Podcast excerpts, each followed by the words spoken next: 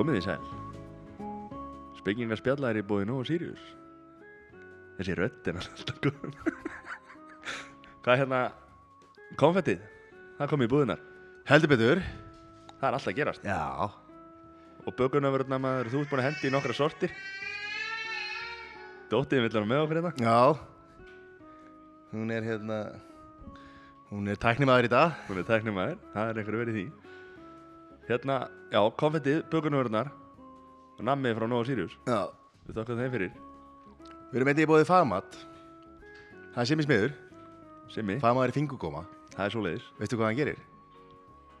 Hann Já, er, en segðu mér hann, það. hann er læriður Smiður. Já, hann er, hann er hérna allt múlít mann. Hann er með mistrapróf Já Og hann, hann kemur Og ef þú ert að kaupa fastegn Þá kemur hann.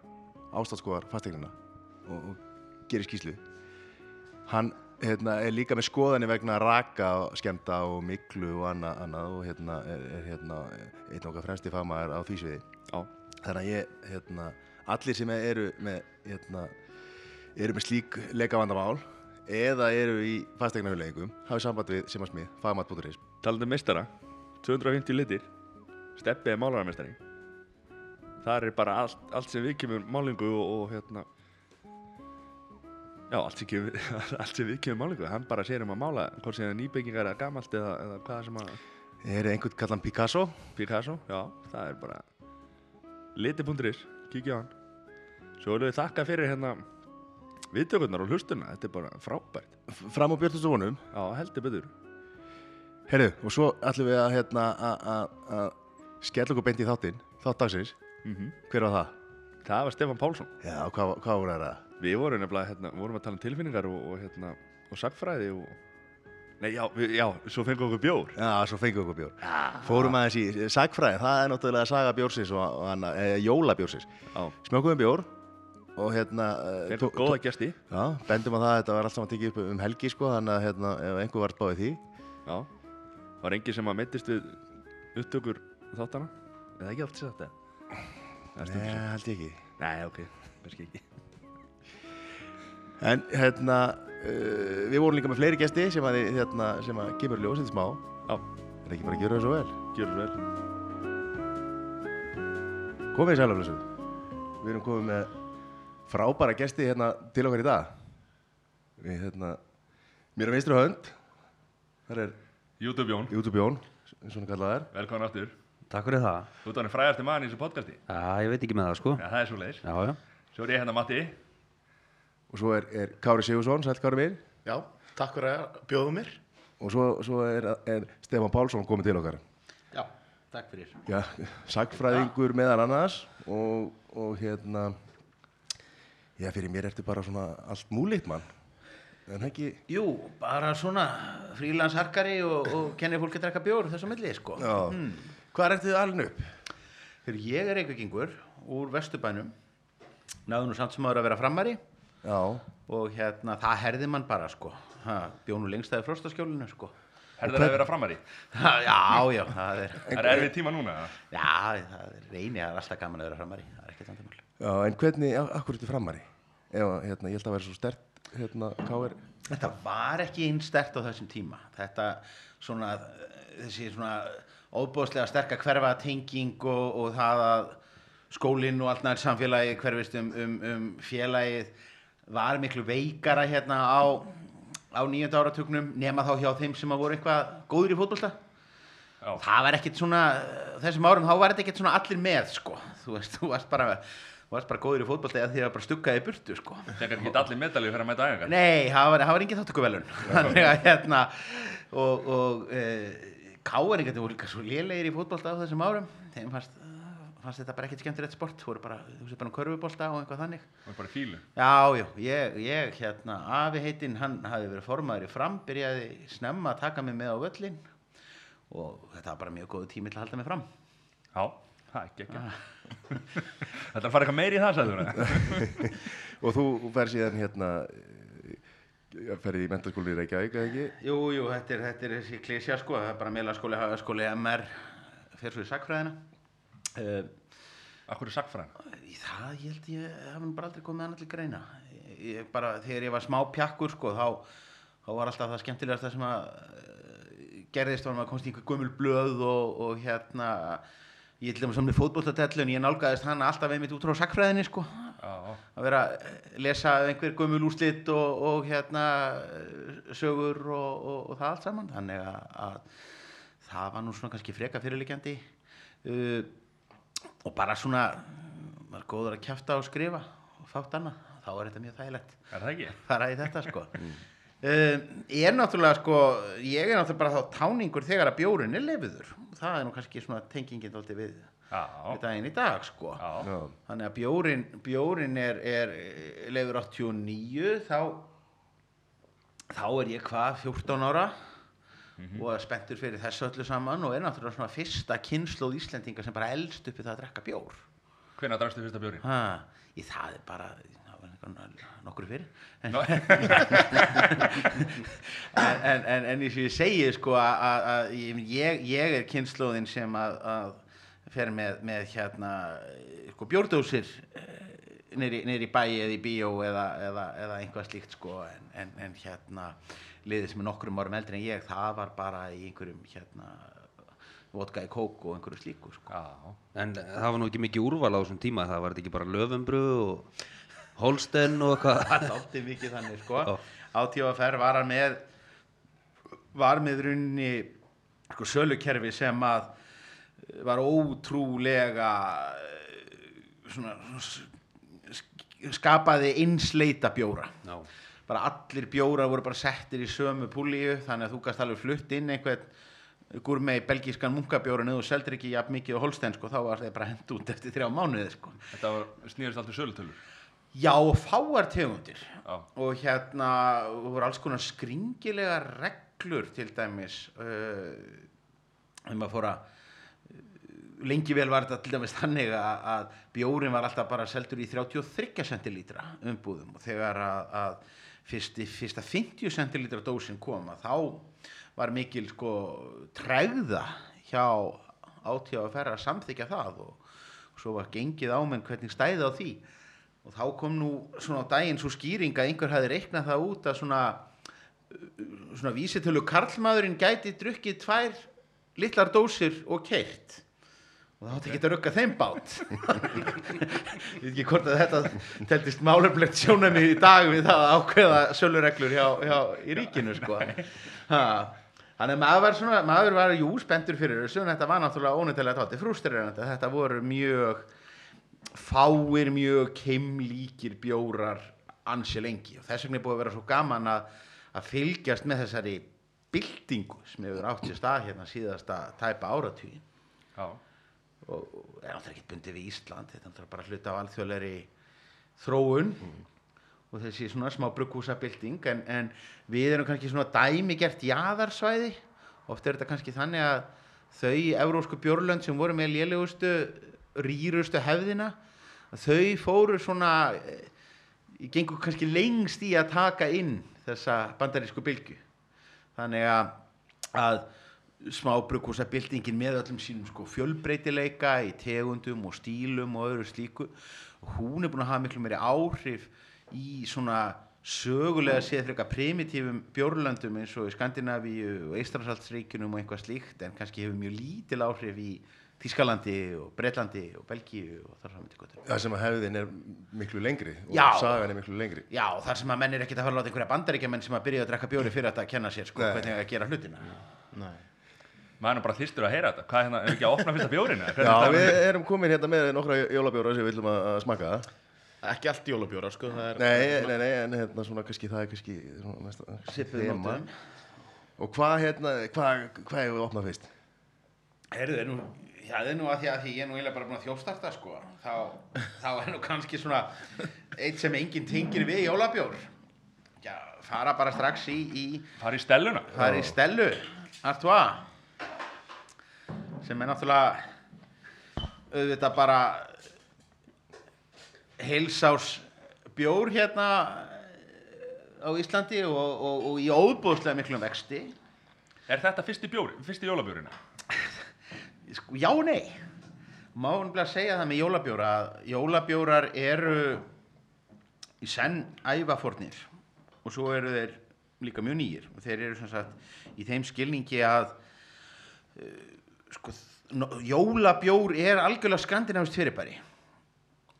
Og víðast annar staðar í Evrópu var þetta þannig að, að, menn drukku bara minni bjór þegar að, að koma á aðvendunni þá komu inn aðrar hefðir krydduð vín og einhverjir snapsar og þar fram til göttunum en og, og menn svona víða bara, svona, já, þegar við komum sögur fyrir Danmörku, sko, þá bara skilja mér ekkert hvað er verið að tala um með jólabjór, sko, en, en sár öfunda þessi norrænu brugghús að salan bara spíralist upp úr öllu, öllu valdi þegar kemur að, að jólum Fólk verður alveg vitlir. Já, ég meina, það er náttúrulega fyrst og fremst er það markaðsetningin á það er túborg jólabjórin sem að gerir þetta uh, alveg Snjóri fellur. snjóri fellur og bara verður einhvern veginn og snjóri fellur sko er bara í hugum dana bara einhvað svona sem að tengist jólunum bara eins og sko Coca-Cola auglýsingin þarna gamla er, er fyrir okkur sko. Þá koma jólin.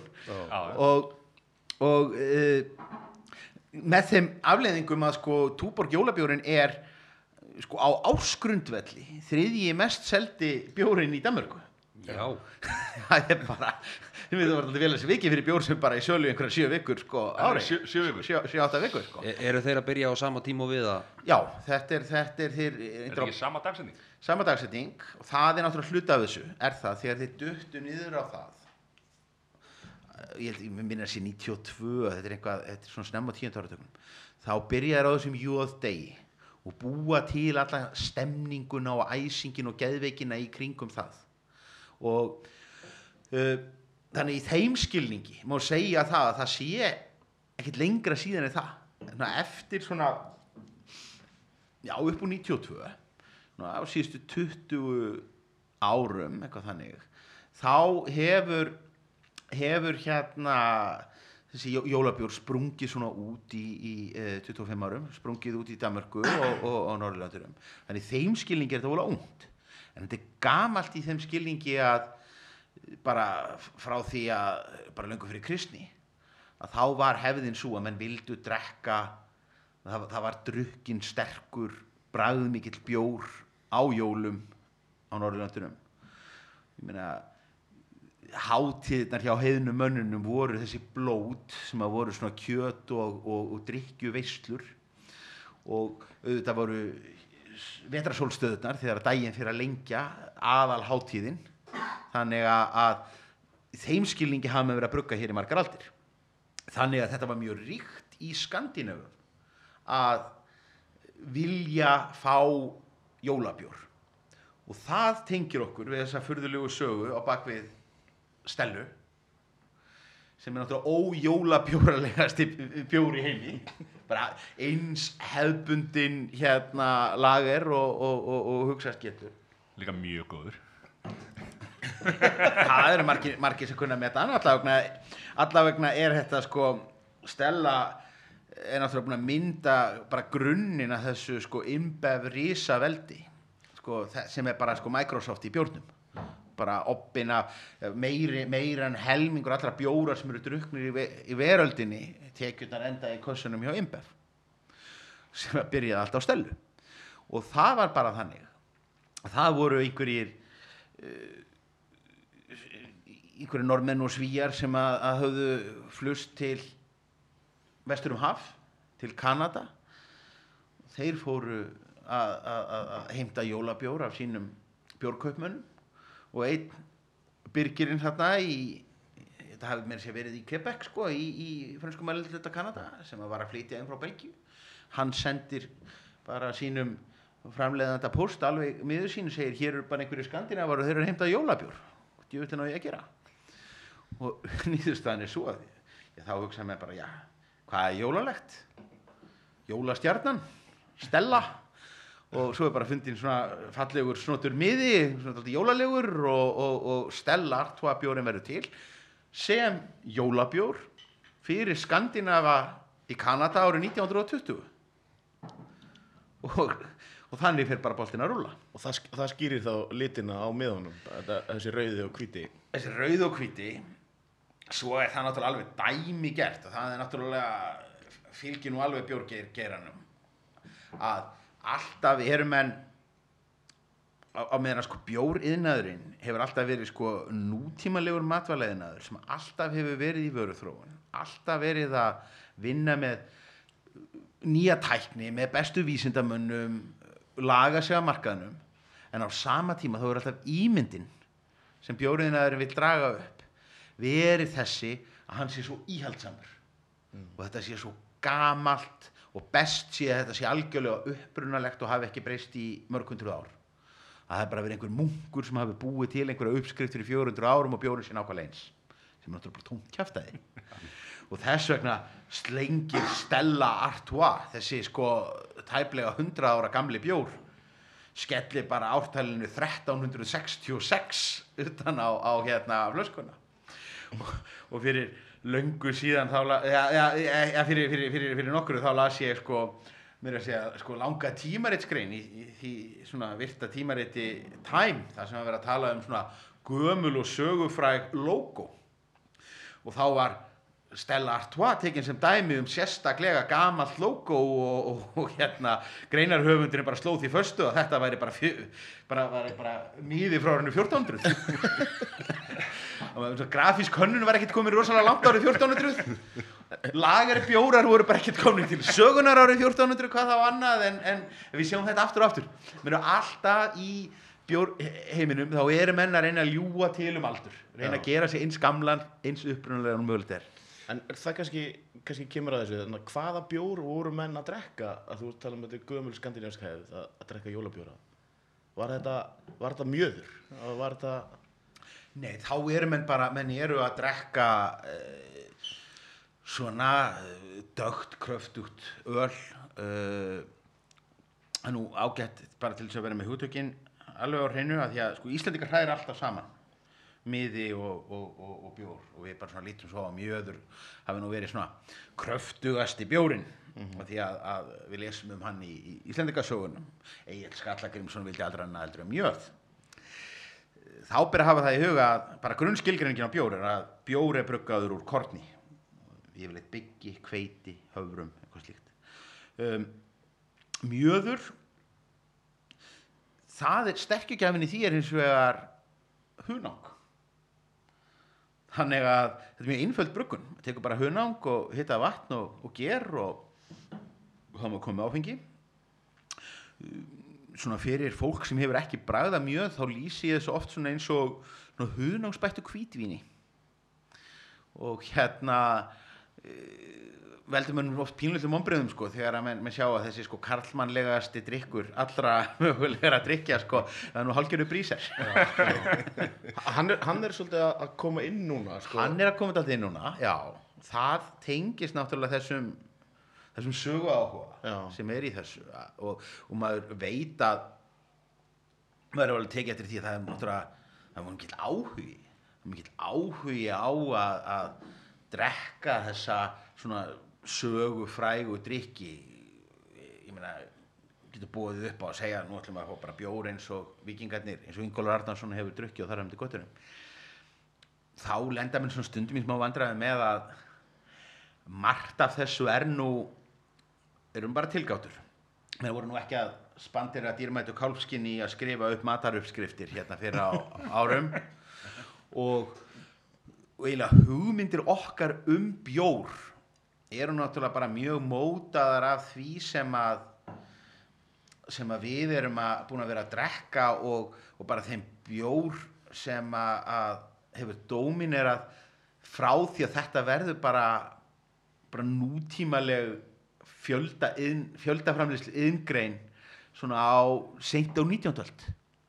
Þegar að menn náðu bara einangra gerið rækta það upp uh, alls konar leiðir til dæmis með að, síja gera lagerbjór svo dæmi sér tekið. Ég vissum að svona margt af þessum bjór sem fyrri aldar menn voru að drekka okkur þætti það nú ekkert mjög kræsilegu drikkur í dag Það er því allt svona, svona kruggugt og Já, já, og miklu súrara reyndar enn og sú, sú, sú, súrið enn og að koma alltaf inn aftur sem maður. Já, já. Þannig við mögum reikna með því eftir svona 100 ára að þá komi hérna Borg Brugghús með bjórlíki. Já, Já, já, já, já og, og, og, og, og það verður svo miklu betra heldur en Já. hérna, það verður ekki bara klára vín út í pilsner sko. Þetta fyrir allt í einhverja ringi maður. Þetta verður ekki, þetta verður, saman verður alltaf í ringi sko. Herra, hefur ekki að byrja bara á hérna, er ekki þessi það? Jó, tökum ekki bara, taka þetta tvo saman dálítið, við, við, við, að því að sko, jólabjóratnir á Íslandi Hérna erum við með, hérna með jólagull já, og jólavíking. Og jólavíking. Það er náttúrulega þannig að, að jólabjóratnir á Íslandi þeir voru svona frekar seinir að taka við sér. Menn náttúrulega áttuðu sjá því hvað þetta væri nú vinsælt út í Danmörku, sáu náttúrulega bara sölutölutna frá Túborg. En þá kom þetta tvent til að bæði var sölukerfið hjá uh, hjá ATFR ekki mjög hagstætt fyrir þessa þessa hluti. Já, og svona ég meina þessi Túborg, hvað, hvað einkennir Túborg uh, jólabjórin hann er svona karamelleraður lager smá lakrís út í. Og það varð dálítið svona jólabjóri í hugum mjög margra. Og þessir fyrstu íslensku jólabjórar bæði þá frá Ölgerðinni og svo Víking fyrir norðan voru dálítið svona bara standardlagerinn með svona smá karmelu gulli og mögulega lakrís já, En við höfum aðeins, aðeins hugsað til þess þegar ég horfi hérna á jólagulli að það er svona eitthvað sem að líkist jólasveini hérna utan á. já, Nú var allt vittlust hérna fyrir nokkrum árum út af einhverjum litlum gullum páskaunga á, á páskagulli minni mig. alveg rétt Er þetta ekki að hérna, ég er allt vittlust eða? menn hafa nú komist upp með eitt og annað í jólasveinadeildinni hérna ég er nú enna ég, ég, nú- ég hérna að ég, tengist náttúrulega pínlítið ölgerðinni bara í gegnum það að, að ég hef verið að kenna í bjórskólanum hjá þeim. Þá fekk maður þetta nú daldið í æð á sínum tíma og ég furðaði mig nú eiginlega meira á því að, að, að rétthafar hérna Angry Birds vörumerkisins hafi ekki farið í hart út af þessum páskaunga sem var mjög sterkum áhrifum frá þeim vinsala tölvuleik sko. En hérna uh, ég mig grunaði alltaf þannig að, að þarna var þarna var átjáfr búið að taka viking tvísvarsinum á teppið stoppa þá fyrir einhverja svona einhverjar umbúðir það auðlýsing Já, og þá þarf alltaf svona eins og bara maður þekkir í, í barnauppeldi sko. þá, þá, þá, þá þarf svona að blanda þessu, skam, skamma, skamma hérna alla gríslingana sko, til þess að, hérna, að fjandinn er ekki laus.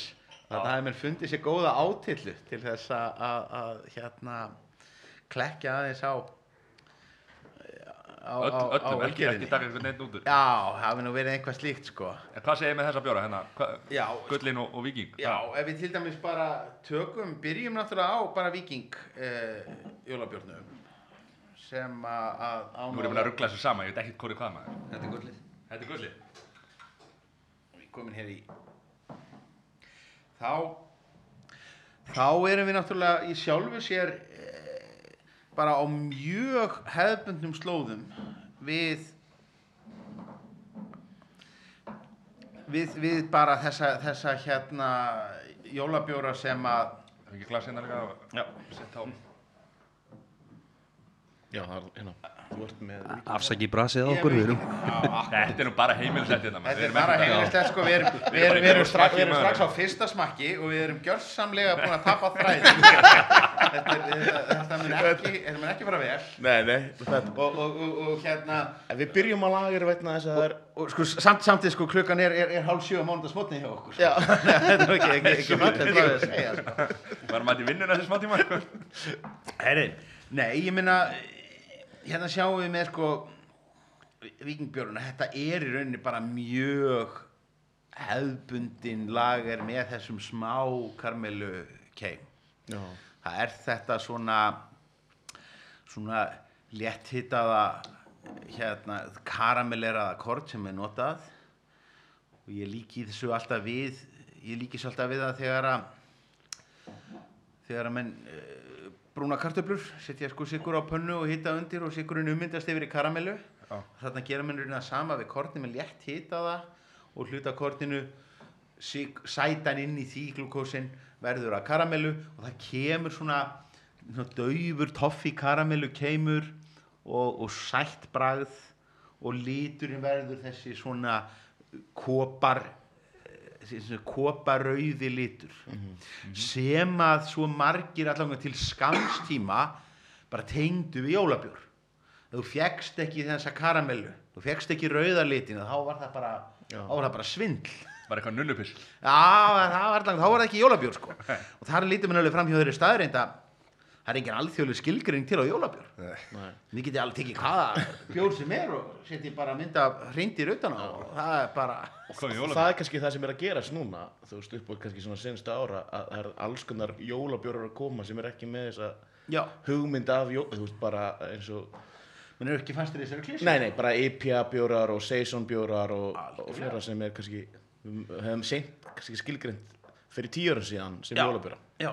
Já, Og eru þetta jólabjórar eða er þetta bara auðlýsingatrykk eða? Já, eins og ég segja sko ég, mynd- ég myndi alltaf segja að þessi, það sem að, að því að þessi gamla svona staðalmynd af jólabjór hún er ekkert svo gömul. Ég meina hún er í rauninni bara afleiðing af frábæri markaðsherferð Túborg í kringum 1990 þannig að þeir eiga ekkert mér, mér finnst bara ekkert sangjant að, að, að, að Túborg júlebrygg eigi að bara geta skilgreint jólabjór fyrir okkur öllum bara um, um ókomna tíð.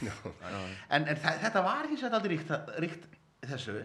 Þannig að, að þessir fyrstu íslensku jólabjórar þeir voru allir eins og viking jólabjórun er bara enn í dag.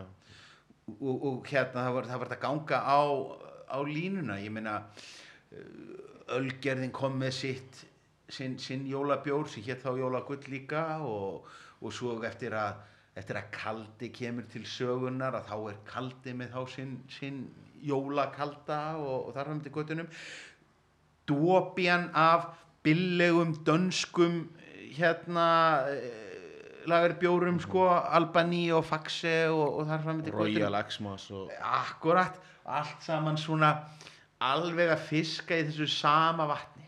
Menn er bara reyna að teika vinsældir túborg Fyrsti íslenski jólabjörn, er það fyrsti, það, ég bara hreinlega man ekki hvort að það var Sanitas eða, eða nefnir viking eða Ölgerinn sem gerir það. Það er þarna svona það er fyrir aldamót sko. Já.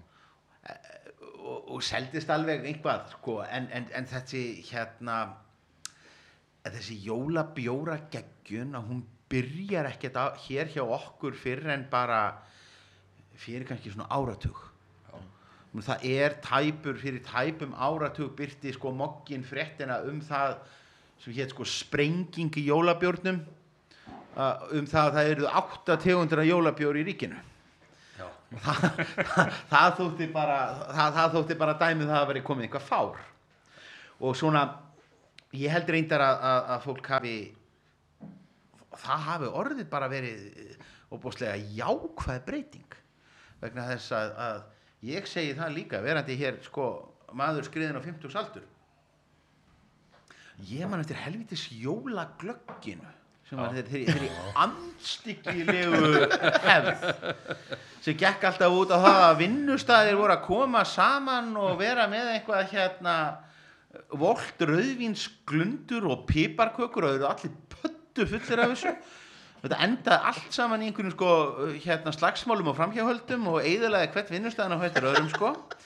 Núna erum við bara með jólabjóruna sem koma um miðjan november og þá er bara stemning eftir vinnu bara kalla klubbar og vinnahópar og vinnustæðir og svo erum við bara búin að taka þetta út svona fyrstu helgin í desember. Já, Var þetta bara búið? þá er það bara búið og þá getur við bara snúið sér að, að því að fara í IKEA eða eitthvað. Fyrir jólin. En hva, jólaklokki var það þá svona allt, sko, í Ameríku þá er þetta egg, hvað heitir þetta, egg, það var þetta já, það- það, það- það, það- það, það, það er algjör hryllingur sko. jólaklöggi er þetta sænska. Þá ertu með einhverjar þá ertu með eitthvað svona, eitthvað svona uh, púns og þú fyllir þetta af einhverjum rúsinum og síður þetta í og Þetta er svolítið í Þískalandi líka ekki? Já, jú, jú, jú, jú og þetta, og þetta er er heit sangria, er það ekki? já, jú, jú, það er helviti góð lýsing helviti það góð lýsing Menn að tróða kanil í Já, þetta já, já, já. Þetta er ó- við- þetta er bara ógeðslegt, við- þetta er viðbjóður með drukku þetta alveg lóna og dón út um allt sko. Og, og, og, og vandin er þetta þá þú tapar tölunni. Það sé algjörð líkilega atrið það kemur að, að drikki það er það að þú hafir sko mæleiningarnar og bjór er svo góður í því. Þú bara þú áttar á því nú er ég búin að drekka svona marga stóra bjóra þá verð ég líklega svona fullur. En bara allar bollur og eitthvað eitthva svona kannti ekki að rekna kannti ekki að hlutvöllum? Þú veist eins og hérna ma ma maður verður miklu druknari sko í einhverju standandi koktelbóði þar sem maður bara stendur og það lappar alltaf einhver og hellir á, á glasið hjá manni sko. Það er alltaf með sama glasi sko, en hann er Já, alltaf að þetta er, þetta er kenning Stefáns um, um, um, um ölvunarstig sko. líkilatri sé að hafa bókaldið í lægi sko. En þú veist alltaf hvernig þetta er daginn eftir sko. Já, já, það er svona mál, sko.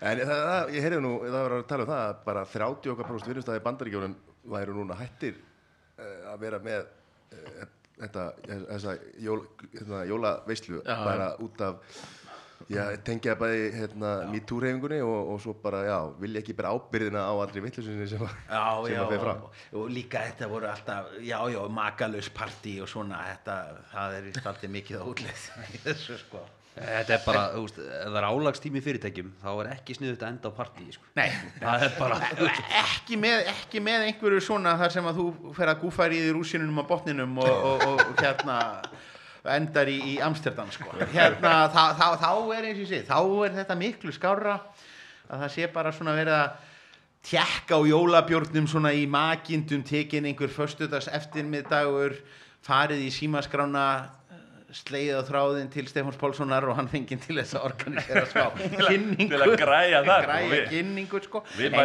eindrið með því að ha, ringi Stefán Pálsson bara og fá hann í hérna. Heyrðu, en, en, en, en, en einmitt að því við erum hérna með tvo í takkinu sko.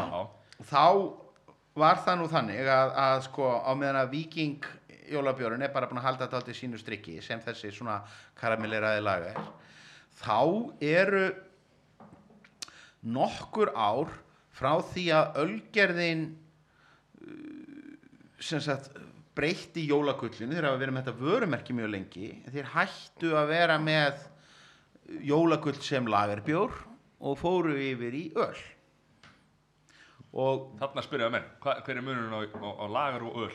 Já, það er náttúrulega líkilatriði sko. Málið er að hér þurfum við að hafa í huga að bjór er lífrætt úrgangur. Okay. Hann er bara lífrætt úrgangur sem er nýðustanna því ferli þegar að sveppir sem að við köllum gera því að það hljóma betur. Þeir bara geta, þeir veit ekkert skemmtilega rættur en að geta sigur og, og, og skýta alkohóli og kolsýru. Og eh, svo er það bara þannig að þessi lífræni úrgangur gerir alla mjög glada og við getum ekki kert bíl. um, og svo er þetta eh, bara eins og með aðrar lífverður og þá eru eh, þessi sveppir skiptast í mismunandi undirtegundir lagergerið er bara sérstök ætt sveppa sem að eru að gerja bjóru mjög lágt hittastig taka lengri tíma eða og þetta er bara svona sama prinsip og þegar kemur að bara dýrum og plöntum og ávöxtum sem vaksa norðarlega þá vaksa þau hægar og eru ekki eins bragðmikil, eru ekki eins safarík þar hafum til göttunum uh, lagerbjóratni þeir eru svona þeir eru bragðminni meira krispi, aðeins meira svona frískandi fyrir vikið.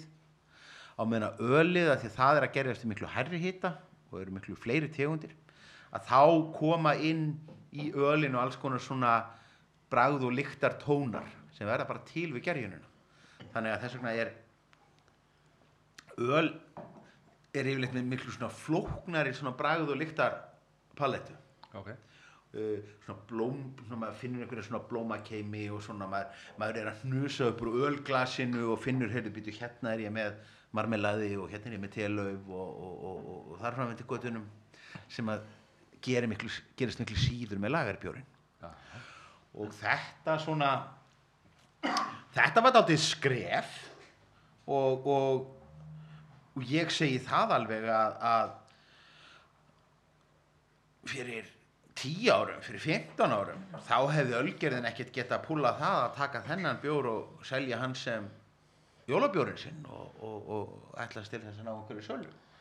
Uh, hér er svona það er svona mandarína eða uh, mandarínu eða appelsinu hérna bætt út í þetta svona, svona, svona berki uh, sem ma maður finnur alveg klárlega.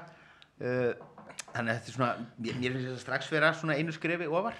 Þetta, þetta er samt rosa svona þú veist, þetta, er, þetta er gert fyrir hva, hvað maður að segja? Að, að, að, sko, að, Þetta er fyrir massasölu? já, Já, já, þetta já, já, já. Þetta og þegar maður skoða sko bestu að því nú er ég svona þú veist mikill bjóra á maður ég er að, að setja inn í fórið sem þetta er untapped og er alltaf að gefa engun og, og fylgja eftir og svona. Og maður skoða alltaf svona bestu bjóran í heiminum sko. Þetta aldrei er neinstaðar sko öl eða lager einhverstaðar á topp 100 listan neinstaðar sko. En samt sem áður er þetta bjórunum sem eru mest seldir. Er það ekki bara fólki sem er að kaupa þessa bjóra? Ekki... þá kemur einmitt kannski spurningin ja. hvers vegna hvers vegna af hverju sko, leið og ég byrjaði að fykta það bjór þá finnst mér, þá er ég alltaf farin lengur og lengra frá því að finnast lager vera góður sko. að, þú veist, og, og, þú veist, er, er þetta tengja við það? Já, já, já ég, ég aftur með alveg hvað þú ert að segja. Sko, ég, ég- það er fullt af ofsalega góðum lagerbjörnum til. Og bara ekki spurning. Og, og sérstaklega ef ég er nú kannski að fara að fá mig fleiri en einn og fleiri en tvo þá þá er mjög líklegt að ég fari til dæmis í einhverja tekniska lagerbjörn Já, ok. Budvar eða Pilsner Úrkvel eða, eða einhvað, einhvað, einhvað slíkt en, en hérna það ber náttúrulega að hafa í huga að sko allstaðar er mest seldi bjórin er einhver svona einfaldur cirka bát 5% ljós, lagerbjór mainstream vara og það er það meira að segja í sko mestu bjórgur með héröðunum í Belgíu og þar fram með til göturum á sama hátt og í Fraklandi er mest selda rauðvínið einhvað belgjuvín sem hægt er að kaupa í súpemörkuðum Já. það er bara þannig að það er einhverju leiti þá er það alltaf bara buddan sem það ræður. Er ekki bara aðgengilegra, ódýrara... Ódýrara, aðgengilegra, drekka meiri hluti kuna mun alltaf bara hugsa út frá einhverju bara blöndu á krónutölu og alkoholprósentu og kaupa Já. bara billegur rúturnar út frá því Mest, mest fyrir peningin. en þetta er náttúrulega hins vegar þetta er náttúrulega með þetta eins og bara eins og með allt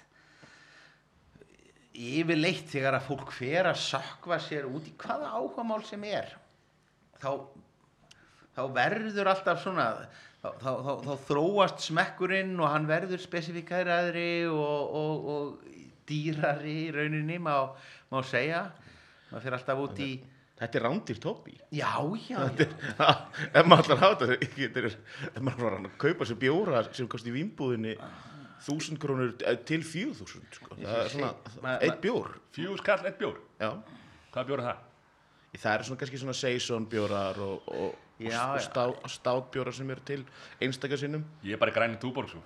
já, og ég skil alveg að fólk er ekkert að fara að það taka er mjög gott fyrir, fyrir hérna menningaforréttið sko. er ekki líka sko, að drekka bara léttan lager til dæmis ef að þú ert að horfa á fótbolta að, að hérna, það er þægilegt þú ert að einbyttar og horfa á leikin og, og það er bara rosa þægilegt sko. Já, já. ég veit ekki, maður er kannski ekkert mikið í einhverjum, einhverjum doppul IPA eitthvað að horfa á bolta Nei, og, og, og, og svo náttúrulega má ekki gleyma því heldur líka að, að hér kemum, komum við náttúrulega með síkilt mál sem er eins og, eins og hitastíð og alla þá umræðu að hér gildir það að sko, eftir því sem að matur og drikkur verður kaldari þeim mun fleiri bráð og lyktartónar detta út.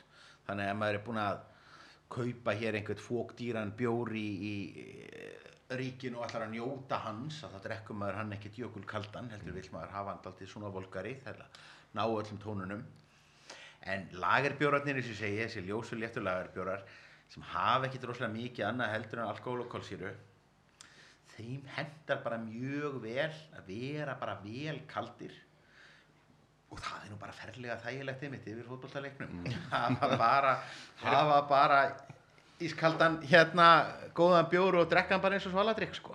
Erum við sérstök hitta hvað sem er, hitta stig fyrir ein þumalbutareglan sem er oft sett fram varðandi þessa svona uh, floknari já svona þessari bræð meiri bjóra það er að skella kannski tveimur til þremur gráðum á Celsius ofan alkoholprósentuna.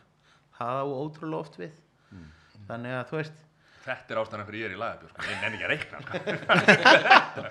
Það er hvað ég að fara í næstu. Já, nú skulum við nefnilega fara að, að fikra okkur aðeins hérna yfir í nýju kynnslóðina.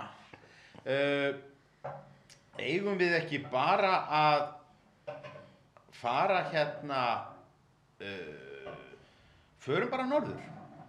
Vegna þess að því að ég, ég er kannski búin að vera að tala pínulítið bara á, á svona ég talaði kannski á pingu lítið neikvæðum nótum um viking jólabjórin svona. Það, það kannski skein aðeins í, í, í gegnum umfjöllununa en viking stendur nú fyrir meira heldur en stóru hérna allra stærstu númeri eh, sem sagt uh, vörreitin og þeir eru með sælkjæralínuna sína sem að svona þekkist aldrei að því að hún er með skjanna hvíta, mjög innfaldar hérna miða og svo bara svona einföld grípandi uh, nöfn og Þetta eru þrjár tegundur eða ekki, en við skiptum á okkur, kiptum bara tvær. Jú, nei, það, já, ég, það, ég, nei, það, það vantar jólahuml. Já, þetta, já, það, það kemur, já, það er þriða tegundinni til, það er svona humlaður í uh, bjór frá þeim, en við erum bara velstætti með bæði Hvítjól og Rúdolf, hér erum við nú farin að sjá svona ákveð minnstur, menn erum náttúrulega alltaf að reyna að nota þetta, þetta þýði sem að eru jólatengdu nöfnin. Og hérna eru menn bara farin að gefa algjörlega bara langt nef þessari hugmynd um það að þú þurfa að vera með eitthvað svona sem að kallist á við jóla, jólatúborg. Að þú þurfur að vera með karamellu eða eitthvað slíkt. Meina, þú getur verið bara með í pjabjórin þú getur verið með eins og hvítjól hérna sem er mandarínu væteil og væteil og væteil þekkjum við náttúrulega bara af afskaplega vinsælum hérna eh, bara afskaplega vinsælu eh, einstök væteil sem að er bara bjór sem að mér finnst hann minna mitt aldrei á, á Húagarden Já, er, er, er þetta ekki bara hugmyndin af honum? Jú, daldið, daldið svona bara, skemm, bara skemmtilegt spinn Já. á hann Algjörlega. og, og einstök er í rauninni brugguð sko, sem sagt, af viking fyrir uh, aðila, þetta eru bæði Íslendingar og útlendingar sem standa saman að þessu og einstök er fyrst og fremst hugsuð sem útlendingsbjór og hefur náð bara útrúlega útbreyslu, maður er alltaf ekki reykist á hann Jú, jú. erlendis Já, bara, Hann er í Disney. hann er í Disney, það er risastór Hann er komið til bandaríkina, það er ansið magnað þegar þú kemst, kemur með Já. bjórin á bandaríkjamarka. Já, maður bara, maður fyrir í súpemarka sko og, og, og allt í einu sé maður þetta gamla kunningja í hillinum Já, og kaupir hann alltaf. Nei Nei, það er mjög kjánalegt að kaupa Sækja vatnið yfir lækja. Það er daldið að sækja vatnið yfir lækin Ég held ég getur verið samanlega Það það er þessi er, hann, þetta er bara fín. Hérna enneflega eru menn, menn eiga mandarín og eru ekki hrætti við að nota hana Nei. Því hér er bara Það er ekki það. Þú veist, ef þú myndir binda fyrir augun á mér og láta mig þefa þessu, myndi ég halda að þetta vera æjak, sko.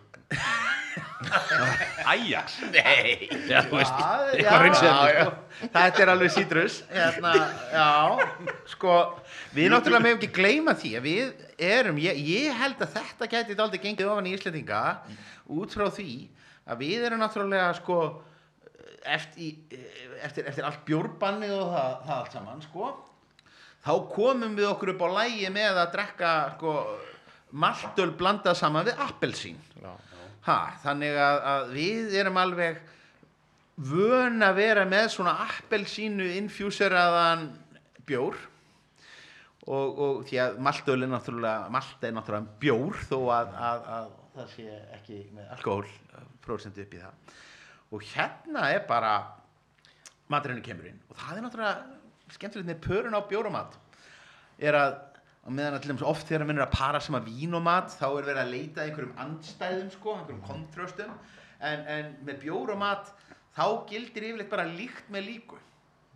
Þannig að hérna erum við bara með bjórin sem að við bara drekkum með mandarínunum sem að einhvern veginn ég held að Íslendingar hljóta að vera eina landið í heiminum þar sem að bara hluti af jólunum sé að kaupa kassa mandarín já, já, já.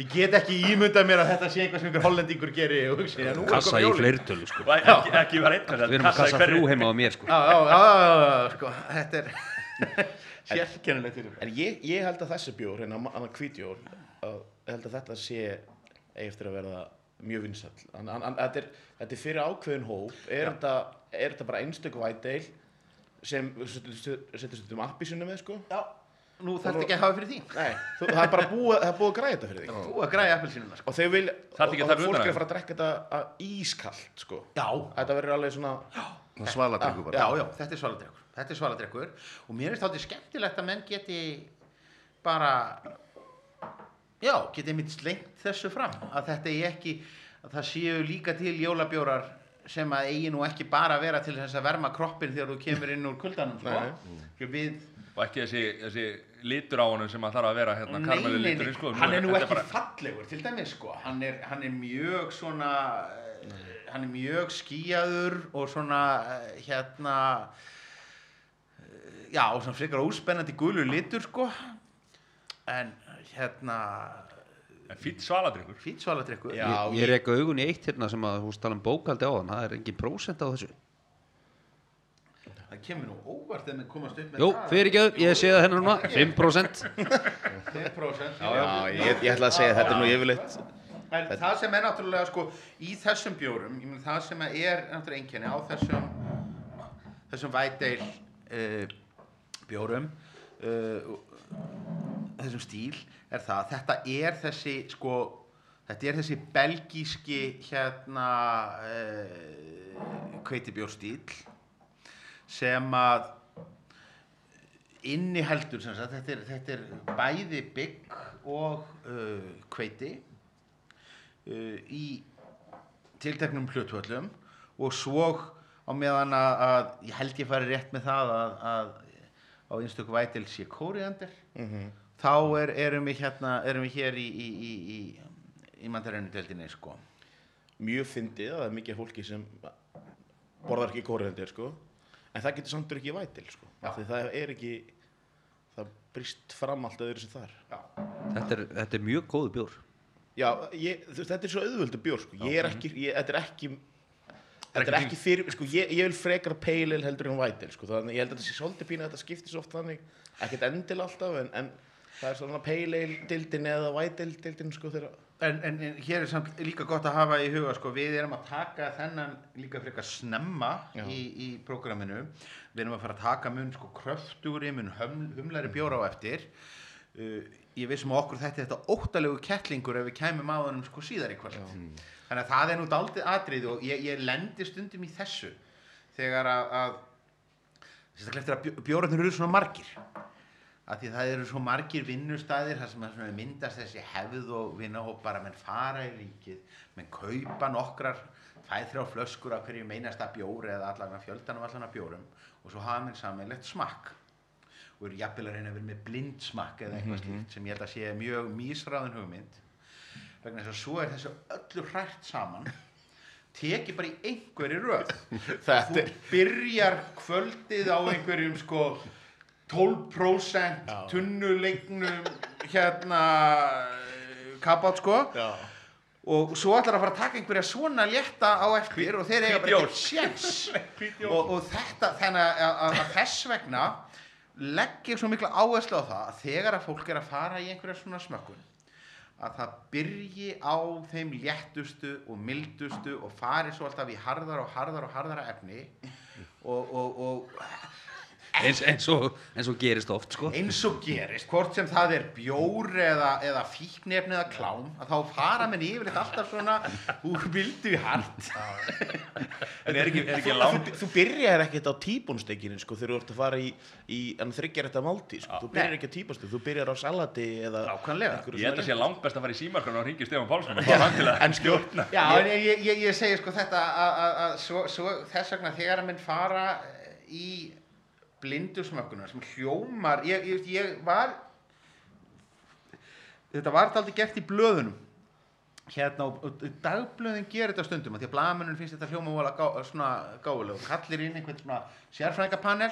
Einhvern, einhvern mætan þjóðfélagshóp. Já, já, fengnir einhverjir, fjóri, fimm sérfræðingar til að koma og dæma jólabjórana. Og svo er þetta bara borið í þig einhverjum hérna ómertum glösum í einhverju random röð og þú ert að gefa þessu einhverja einhvern og þá er náttúrulega tvent í þessu að bæði kemur þetta oft í einhverju sko furðulegri röð út frá þessu og hitt að það er heldur ekki sangjant að fela einhverjum bjórrýni að dæma bjór á einhverjum öðrum forsendum heldur en viðkomandi bjór þykist vera.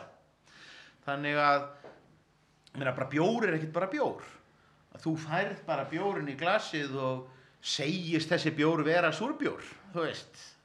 Berja bættur eða er þetta dökkur imperial stout eða er hann og, og, þess, þetta, þetta þarf fram til gottunum og maður verður einhvern veginn alltaf að hafa það í huga maður verður að vita hvað maður er að setja á ofan í sig hvað þessi bjór þykist vera stendur fyrir. hvað hann stendur fyrir, hvað er í honum vegna þess að þá getur maður einmitt farið að hugsa fyrir býta, er ég að finna hérna þessa mandarínu sem ég á að vera að finna frekar heldur en að það sé verið að, að fokka í kollinum á manni að hér komi einhvað efni og maður veit ekki hvort þetta er Ajax þáttalögur eins og mann stungu upp að hérna á þann eða, eða, eða hvað það er sko Þetta er ótrúlega góðu punktur. Ég og Sæðurinn og hluti á hóp sko, sem er búin að vera með blindrasmökkun í nokkur ár. Sko.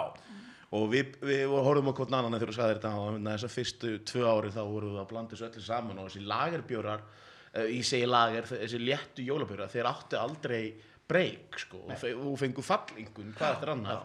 Þannig að núna ár, sko, við erum búin að vera að þróa þetta svolítið, svo núna kannski ár erum við raun og veru sleppuð öllum þessum bjórum.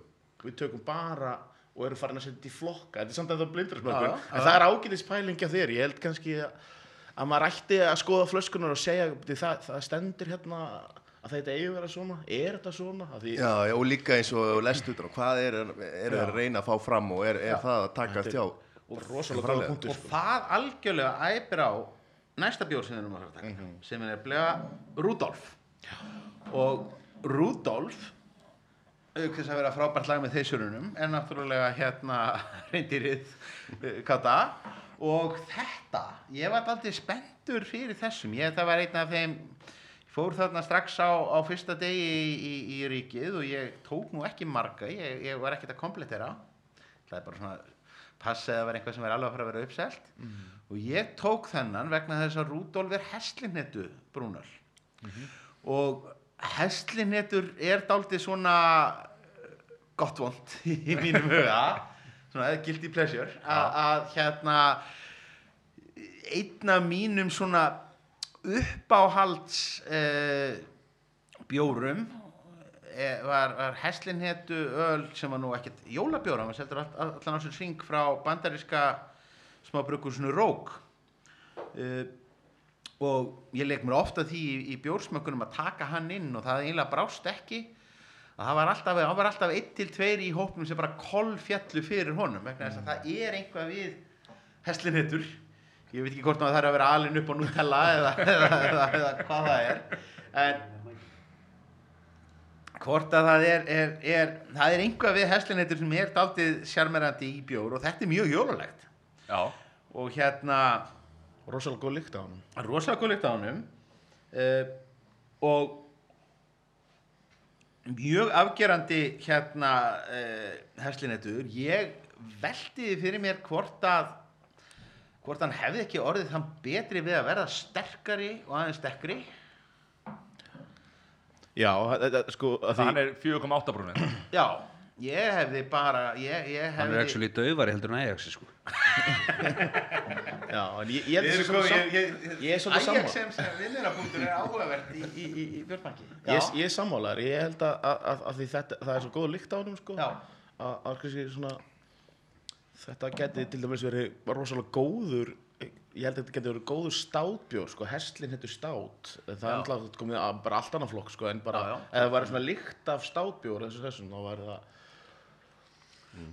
alltaf eftirsóttan fyrir mig sko Mér finnst þetta svona, já, mér finnst ég, ég, ég, ég er mjög gladur að við séum komið með íslenskan hestlæðið bjór uh, og Mér finnst það skemmtilegur, mér finnst það skemmtilegur. þetta Þetta er náttúrulega bara þessi tveir bjóra sem við erum að smakka núna. Þetta er, það er ekkert sambarlegt Nei, til í, í, í jólabjór bjórsflóðunu, sko. já, það, það er það sem er kannski, eh, kannski áhugavert og því leiti mig að þeir bara vera, vera brattir þeir hérna vikingmenn með þessa, þessa sína. Já, minnir mér svolítið á kaffi að svona um, líka um jólin þá er komið hesli nettu kaffi Já, það er einmitt fyrir jólinn, þá fara menn alltaf anskoðu svo, svo verður að setja kanil út í kaffi sem er nú alveg glæpsamleg hérna helvítis grílu kanils kaffið sko. Þeir eru búin að vera að spýta svolítið í vikingsmenn eða ekki? Svona, vikingsmenn eru búin að vera að spýta svolítið í síðustu Jú, þeir hafa náttúrulega verið sko, hafa tekið ímsa kollsteipur sko, þeir, og þeir voru alltaf með sko sérbjóradeildina sína uh, með uh, það var alltaf einhver svona fánamerki? Svona eins og hérna svona skipsflögg Já, og svo var þeim eiginlega bara skipt út eh, Alveg fyrra á þessu ári fyrir einmitt þessa, þessa óbóðslega mínimalísku hönnun þar sem að bara miðatin hjá þeim eru bara hvítir og svart letur. og svart letur í einhverjum svona mjög náttral fonti og, og, og bara heita allir bara einhverjum svona einu nafni einhverjum, einhverjum einföldum nöfnum. Og svona þetta er, þetta er svona skemmtilega minimalist sko. Svo eru svona magnbjóranir að þeir eru uh, konum í nýju umbúður og, og týngdu unu í brendun Sko, e, en svona hvað þín skoðun, ég veit að þú nú ert nú í með bjórskólinu í Ölgerinn, þannig að kannski að eru fyrir að svara þessu, en, en sko, e, eiga ekki þessi stóra brugg smiður Ísland sem er náttúrulega er Víking og Ölgerinn, það er svona ekkit annað, annað sambarlegt í stærð allá á Íslandi, eiga þeir ekki bara svolítið að halda sig við þetta, þetta sko, eiga þeir eitthvað að fara að reyna í, að fara í IPA markaðin þar sem núna er Malbygg og fleiri svona lítil bruggur sem hann er bara þeirra einblýna á það er þetta, e- eiga ekki bara að vera að hugsa um þennan almenna markað meira heldur en þeir eru að, þeir eru ofta eitthvað svona að reyna sko, sko hér, hér ber náttúrulega að hafa í huga að, að það sem að, að það sem að okkur finnst stórt. Það þykir nú um heiminum yfirleitt frekar já, lítið er sko, þannig að- stóru brugghúsin okkar íslensku þau þættu nú ekki íkja merkileg alþjóðlega. Uh, hérna ég veit ekki hvort ég megi me, me segja frá því að, að hérna það er enginn að hlusta það er er engin að hlusta það var einhver, einhver, fyrir einhverjum misserum þá kom sem sagt uh, forstjóri Ringnes hérna uh, brugghúsins í, í, í Noregi heimsókn til Ölgerðarinnar og fekk svona túrin kringum hérna húsið. Og þetta er nú svona upp á hann hvað menn tala góða ensku eða hvað norðmenn skilja mikla ensku og svo er fólk nátt svona þreytt á einhverjum svona fyrirlesturum og, og, og, og einhverju slíku. Þannig að hún fekk nú einhvern fyrirlestur um þetta litla brugghús Borg sem að væri þetta í gangi og fekk að smakka einhvern bjór og þetta væri voðalega sniðugt. Og svo var labba með hana út í Ölgerabrughúsið og henni var sínt þetta allt saman. Og og svo komst hún að það, sagði hún það í, lokinu þetta væri rosalega sniðugt. Vera með svona lítið svona krútlegt tilröna brugghús og þetta verður kannski einhvað sem þau ætti að gera heima hjá sér. Þá áttuðu með sjá því í lokina að hún hafði alveg slegið þessu tvennu saman. Og held að aðalbrugghús ölgerðarinnar væri þetta pínu litla svona tilröna dæmi microbreweri og það var svona uh, vakti mann dátti ímsa til vitundar um það. Þeir væri nú kannski ekki einstórir og þau heldur alþjóðlega. En ölgerðin hins vegar bara því við tölum um það ölgerðin e, fer af stað þegar, þegar að þessi svona smábrukusa bylting byrjar. Þegar að kaldi kemur hann á markan og það er það sem breytir öllu. Höfum ekki gleyma því.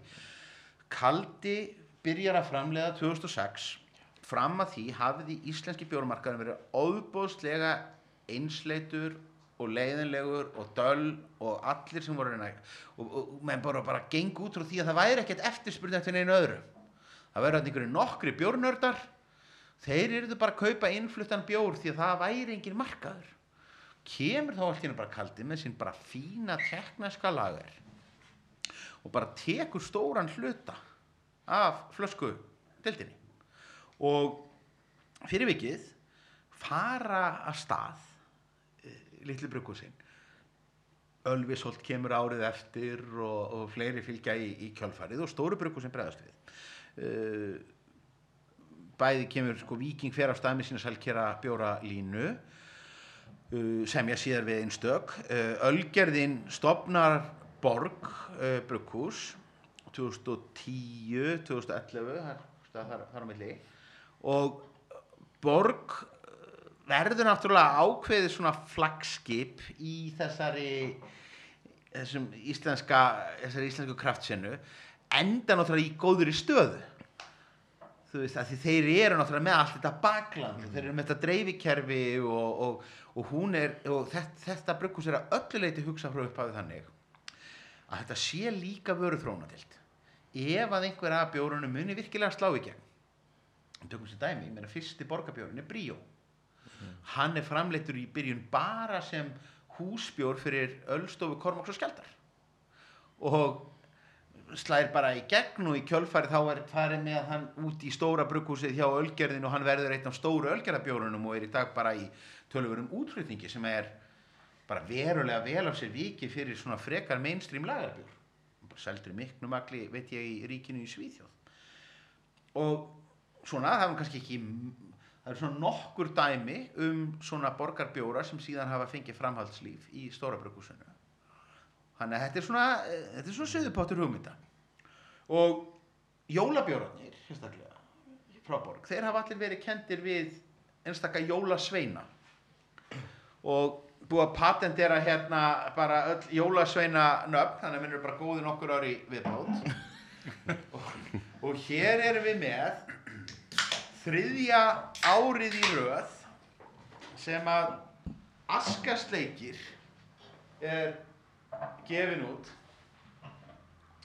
Og askasleikir er óvenjulegur að því leiti að hann er í áldós Yfirleitt í glerdós, eða glerdósum. Yfirleitt í glerdósum. Vó, varst það hugmyndur? þetta er, þetta er, þetta er mögulega versta business hugmynd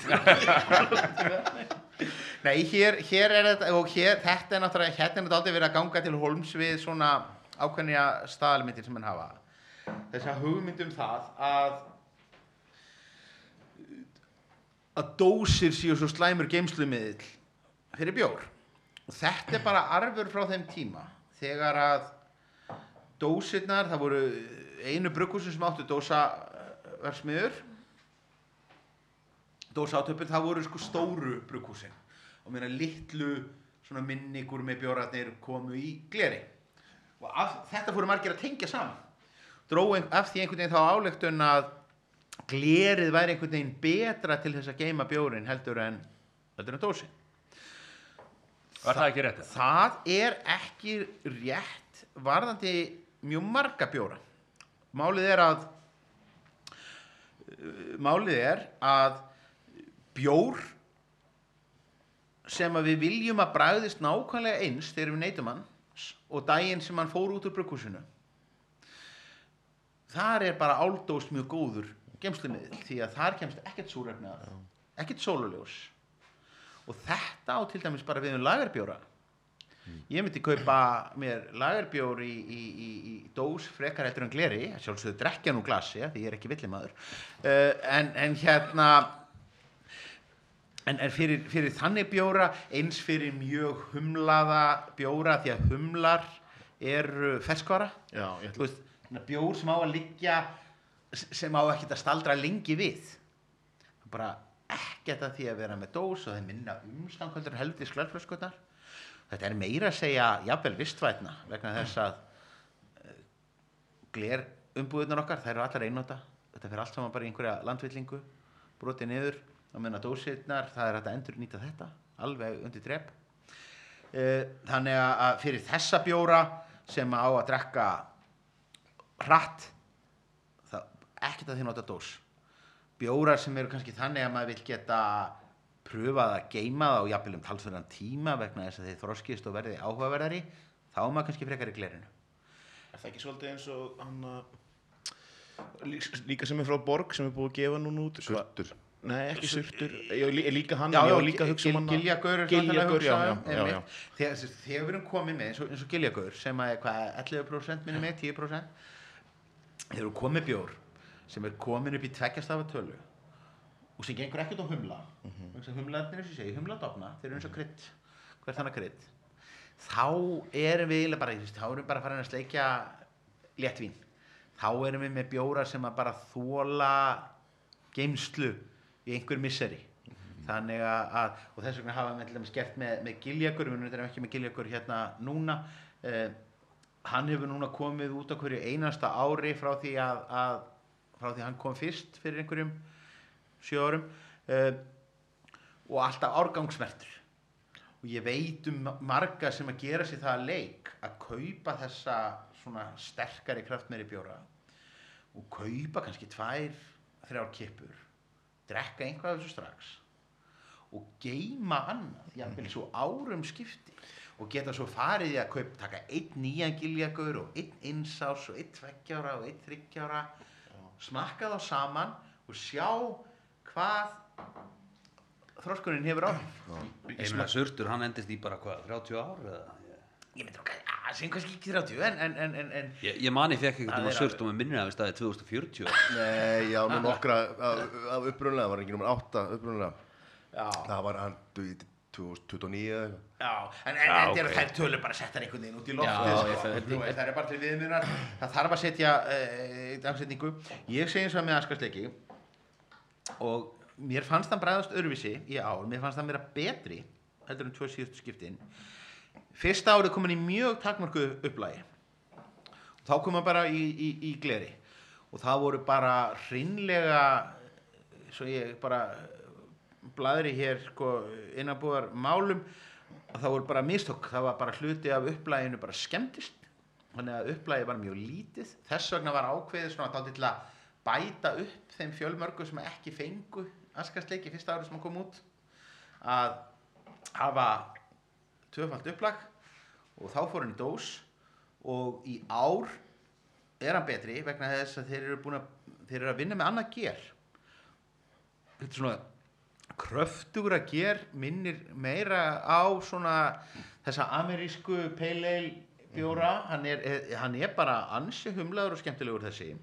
En svo er tvistið í askasleiki er að hann er viðarbættur á þann hátt að það eru teknar, teknir viðarspænir settir í grísju og dýft út í gerunatrankin og þið finnið það alveg í bæði í lykt og í bræði það er svona þetta er daldið eins og maður sé að naga tannstöngul hérna, svona Hann, hann er samt orðið miklu mýkri heldur en hann var í fyrra. það finnst mér, já, ég, ég, ég tengi það við gerið. Er það, er það eitthvað sérstakur viður sem er notaður eða? Já, það er nefnilega það, er það sem er skemmtilegt í þessu. Að, að því að menn eru fann að ganga þetta á lagið. Fyrstu tveir sem að þarna uh, stekkjastöður og giljagur þeir þá voru bara teknir einhverju bjórar út í loftið upp frá því upp frá því þá hafa menn verið að reyna að leika sér að því með borgar jólabjórana að láta karakterinn kallast á við nöfnin á viðkomandi jólasvein. Þannig að fyrsta skipti sem að menn tóku þetta bragð að vera með viðarbættan bjór það var í þvörusleiki því að þvörusleiki náttúrulega sleikir viðar. Og svo þurftu menn að hugsa hvernig gerum við askarsleiki og þá endur tókuðu leikin nema það að viðurinn timbrið sem var notað var tréð askur þetta er í rauninni svona, þetta er svona kannski langsóttur orðabrandari, má segja, en samt, svo sem, dálítið sniðugur. Og e, tekur á sig, ég minna, við, við, við, við sjáum sko jólasveina bjóriðin sem kemur í ár frá Borg, hann er ekki komin ennþá í ríkið og mun sennilega, já, mögulega ekki koma fyrir bara í byrjun desember. Og það er skýrgámur Er eitthvað ástæð fyrir því að hann kemur ekki strax í? Það held ég að sé bara einhverjar tafir og, og svona. Reyndar ég, ég mig gruna nú að þykja heldur ekki slæmt að að þá, Kom með þetta í setni bylgjunni. Komið þetta í seinni bylgjunni sko. Það er, það er bara eins og handbóltanum sko. Uh, eða sterka, góða, s- s- sterka setni bylgju. Uh, að þá náttúrulega er, er sko skýrgámur eðli málsins sangvæmt að hann notar skýrgerla það er súrbjór hann er blábæra bættur ég hef komist í að bræða hann og hann er æðislegur. En hann er því verið bara að býða bara hlustandi verið að býða spennt eftir, eftir, að, eftir að það komi. Mér finnst lélægt að Gunni, Gunni Ölgerinn hafi ekki hérna Þessi þáttur er styrtur öll Eh, nei, nei, því að því nú erum við, erum að tala um aðra bjóra hérna á eftir en, en, en, en hérna Bara svona smá útudur, Stefán, Já. að því, að því þú talar um þetta aðan Er, að því kaldi já, var, var jó, jólakaldi hann var líka rosalega bylting á Íslandi eða ekki í þessum jólabjörnmarka hann var, hann var uppseldur hvað, hann, bara, hann kláraðist upplæðinum held í þrjú, fjör ár. En þetta er í dag þetta er svolítið búið að dopna út aftur en var Já. hann ekki svolítið spark líka í þennan markað þannig að þegar jólakaldi kom út? Jú, ég held að það, það eh, jólakaldi var, var svona þetta fjallt aldrei saman að þessi svona eh, þeir fóru virkilega að ná sér á strik þessir hérna jólabjórar þarna alveg í, í fyrir, já eins og segi þetta, þetta er fyrir þessum hvað kaldi kemur 2006 og þetta er, já, þetta er fyrir svona áratug þá fer þetta að byrja að gerast að mjagast upp á við og, og hérna, Alveg bara í hruninu, bara, já, pínulítið eftir, eftir, eftir það. ég man alveg eftir því þegar ég smakkaði fyrsta jólakalda þetta var svona þetta var algjörlega nýtt fyrir mér. Þetta var eitthvað svona komin að fers eða þú veist þá var ég lítið búin að spáði bjórum hann að bara kaupa þessa venjulegu sko jólakaldi, hann var svo ferskur og ég, ég minnir að hann hafi svona einstakur að því litum til að var engin svona rótardami, eitthvað rann út að þremur mánuðum eða eitthvað svo leys, það var ekkit svona já, já, hérna og eins og ég segi þetta eh, bara kaldi var bara mjög skemmtileg viðbót við íslenska hérna uh, bjórheiminn uh, heldur sér náttúrulega að hafa alltaf haldið sér daldið á svona á sinni torfu. Þetta er engin, þetta er ekki, þetta er ekki bylting að nei. brugghúsið sem er en það kann- hefur nú kannski verið hluti af þeirra velgengni að- vera ekki mennirinn að æfintýra mennsku og, og hérna mæla svo sem alltaf, alltaf vel fyrir.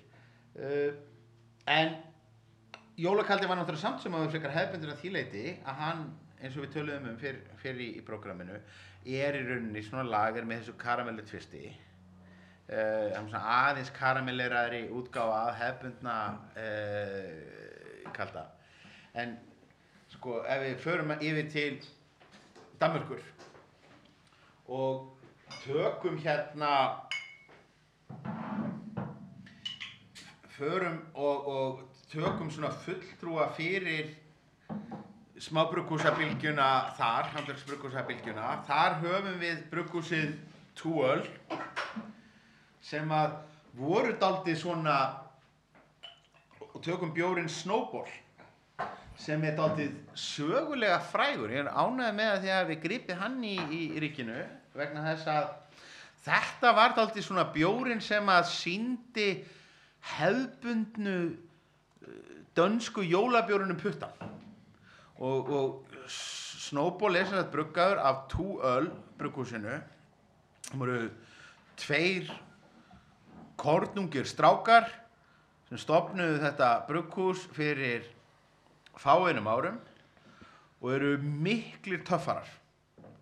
Miklir hérna þetta eru svona einkennir þessa bjóra þeir þetta er mikil hönnun, það eru fengnir einhverju frægir hönnuðir frá tískutímaritunum í Kaupmannahöfn til þess að búa til umbúðurnar og á heimasíðu 12 var skrifað um Snowball bjórin að þetta væri bara niðurstana því að þeir bara meikuðu ekki að búa til enn eina helvítis karamellu drulluna þannig að bara, þessi bjóru er bara presenteraður sem uppreist gegn hefðbundna skandinavíska jólabjórnum.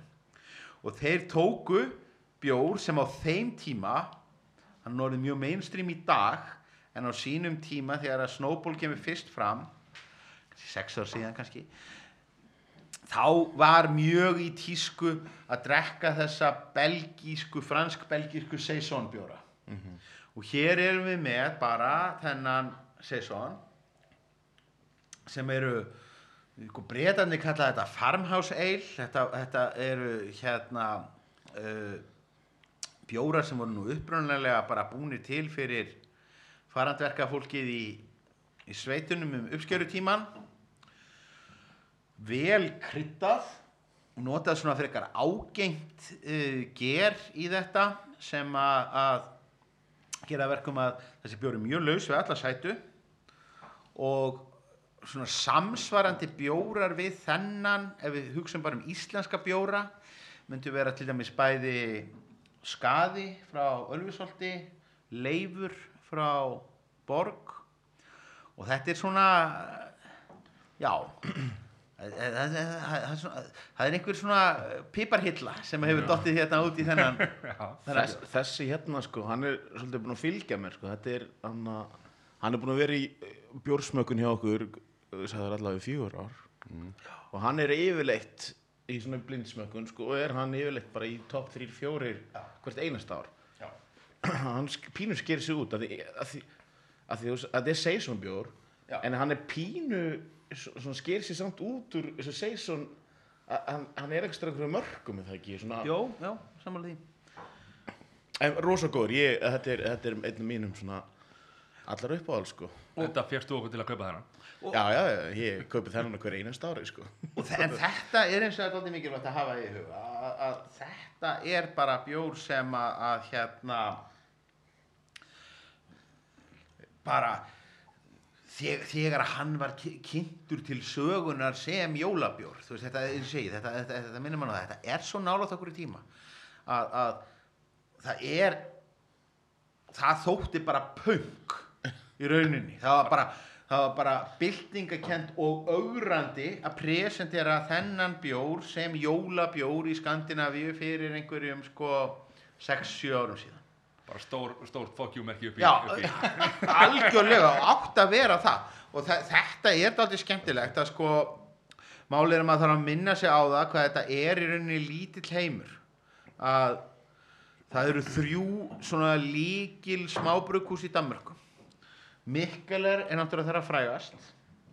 Og tvíburabróðir Mikkeler bruggmeistarans þeir hatast reyndar, sem er aldrei merkilegt fyrir tvíbura. Uh, hann stopnaði sitt eigi brugghús og hann kallaði Evil Twin sem er aldrei fyndið. Uh, og þetta eru svona kannski tvö kunnustu framsæknustu brugghús uh, Dana.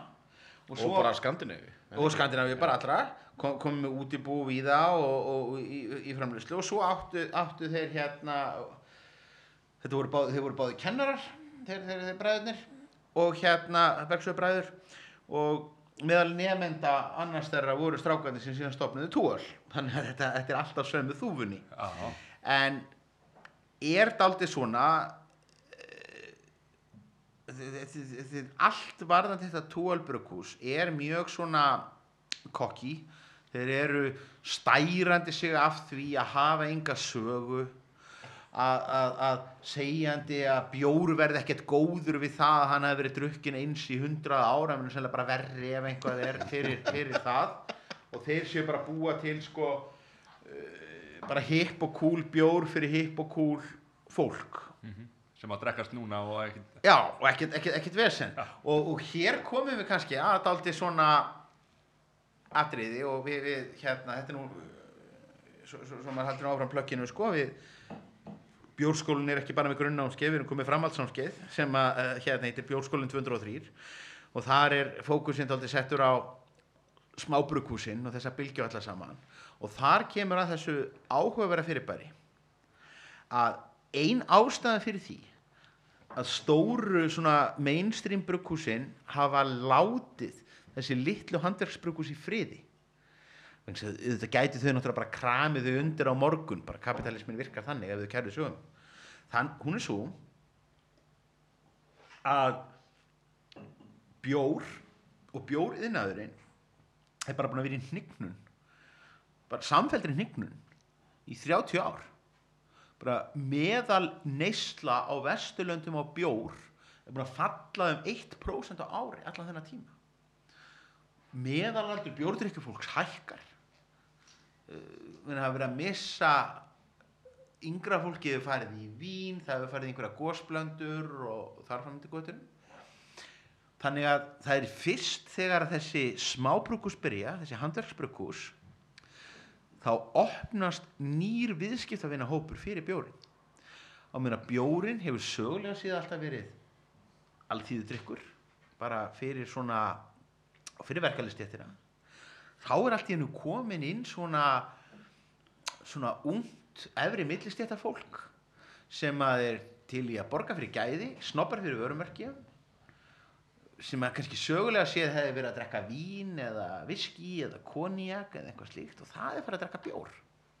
Og þessi geiri er bara búin að vera um einhvern kynverskan hagvöxt bara frá aldamótum. Það er bara einhver 8% aukning í handverksbjórnum allan þennan tíma. Og þetta að verkum að stóru brukusinn hafa aldrei hugsað ok, leifum þeim. Leifum þessum geira aðeins að vaksa vegna þess að hann er að gefa okkur nýja viðskiptavinni sem að munu þá tryggja áframallandi bjórsölu og snúa við þessari þróun sem er búin að vera. Og þetta erum við búin að vera að sjá í Skandinavíu. Við erum við búin að sjá þetta á Íslandi. Og ég meina ég held að jólabjóra allt þetta jólabjóra æði hjá okkur er búið að vera mjög holdt fyrir bjórgeiran vegna þess að það sem gerist alltaf um jólin er að þá fyllist alltaf tegundum og það er tíminn sem svona venjulegir íslenski kunnar hætta sér svona út fyrir þægindaraman fara að kaupa aðeins flóknari og skrýtnari bjóra en með myndi gera annars fólki sem annars myndi aldrei fara í sérveru hillurnar í ríkinu. Og það oft uppgötan eitthvað sem því finnst gott og vill byggja ofan á. Og náttúrulega úr því að við erum að tala um þessa bylgju þessa uh, smábrukusa bylgju þá er náttúrulega sko kannski Brewdog Já, einn af augljósasta dæmi og ég meina við erum þess að komið Brewdog bar hérna í bænum, erum við að fara á það? já, ég er búinn að fara þar. Ég, Kári er ekki orðin reglulegu gestur þar?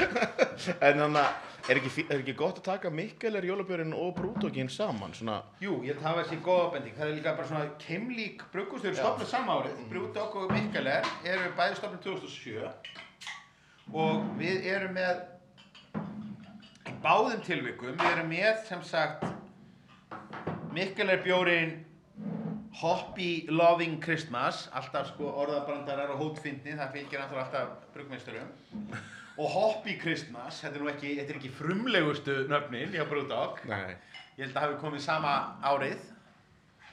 Uh, og í báðum tilvikum erum við komnir í þessa IPA deild. Hérna með bara ég, ég er ekki nógu góður í tónlistasögun er, er, ekki, er þetta ekki spinna á hérna Pet Shop Boys? Nei, Pet Shop, nei hérna Pet Sounds plötuna segi ég með, með hérna The Beach Boys. Er Jón Þór Nei, nei, ég er engunar Já, sko, það er er- er- er kannski Jón Þór sko það Já, fyrir, óvinnvíða þá er hérna sko míðin utan á Mikkaler er hér einhverjir furðulegir teknimita menn að hreindýr á, á, á, á humlum.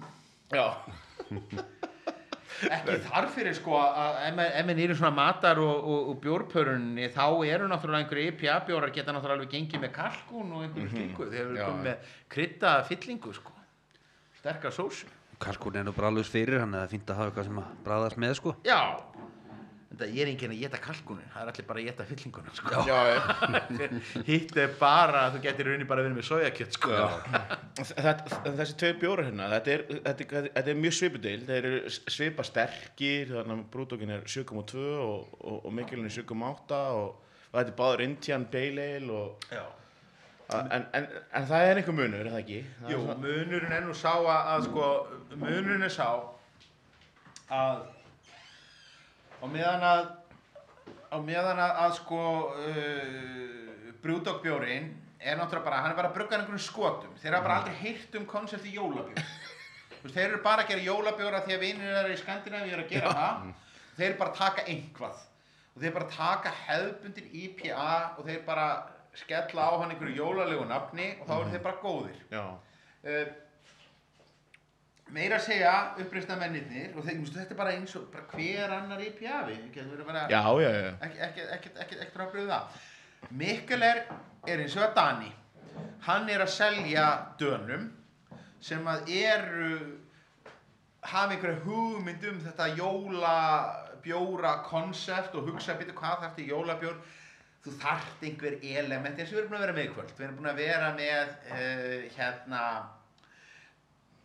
við erum búin að vera með mandarínurnar. Við erum búin að vera með hérna hersluhnetur og eitthvað svona. Þannig að hér eru í mikilvægur björnum að þá er verið að bæta út í smá engifer. Þú veist til að ná piparkökustemningunni. Og það eru smá furunálar sem er rosalega vand með farið finnst mér í bjór. Ég, ég, ég sé nokkra svona furunála bjóra.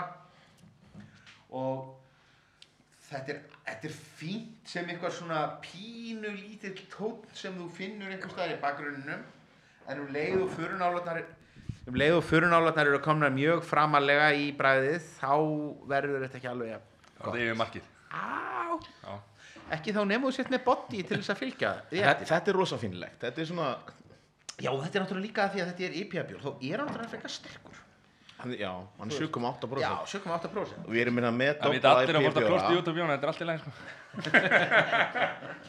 En við erum minna með doppla IPA bjóra- na, IPA bjóra svona sem við ætlum að smakka eftir og þeir eru bara nánast sama prósenda og þessi hérna. Nú kannski ræðum munum þeim á eftir. Já, já og þetta er náttúrulega Hvað er, hvaða prósentur er þetta, segirðu? Hvað er hérna? Sko, hann fer mjög hátt hér, hér mikilvægirinn sko Ég er 7,8. Já, hinn er nú lægri, er það ekki? Jú, er það? 7,2. Já, já, það, þó það. Sko, þetta er náttúrulega, eh, hér erum við, eh, hér erum við nú að tala um sko ákveðna bylgju sem að maður held nú að færi nú einhver tíman að, dvína. Þessi endalösa, hérna, IPA eh, bylgja sko, en á móti kemur að IPA bjórnir og, og, og sem sagt fyrir óinnvígðar hlustendur að þá stendur IPA skamstöfunin fyrir India Pale Ale. Og þetta var unni frekar svona obskjúr bjór sem að upphaflega var bruggaður uh, bara fyrir breyta sem að voru staðsettir á Indlandi.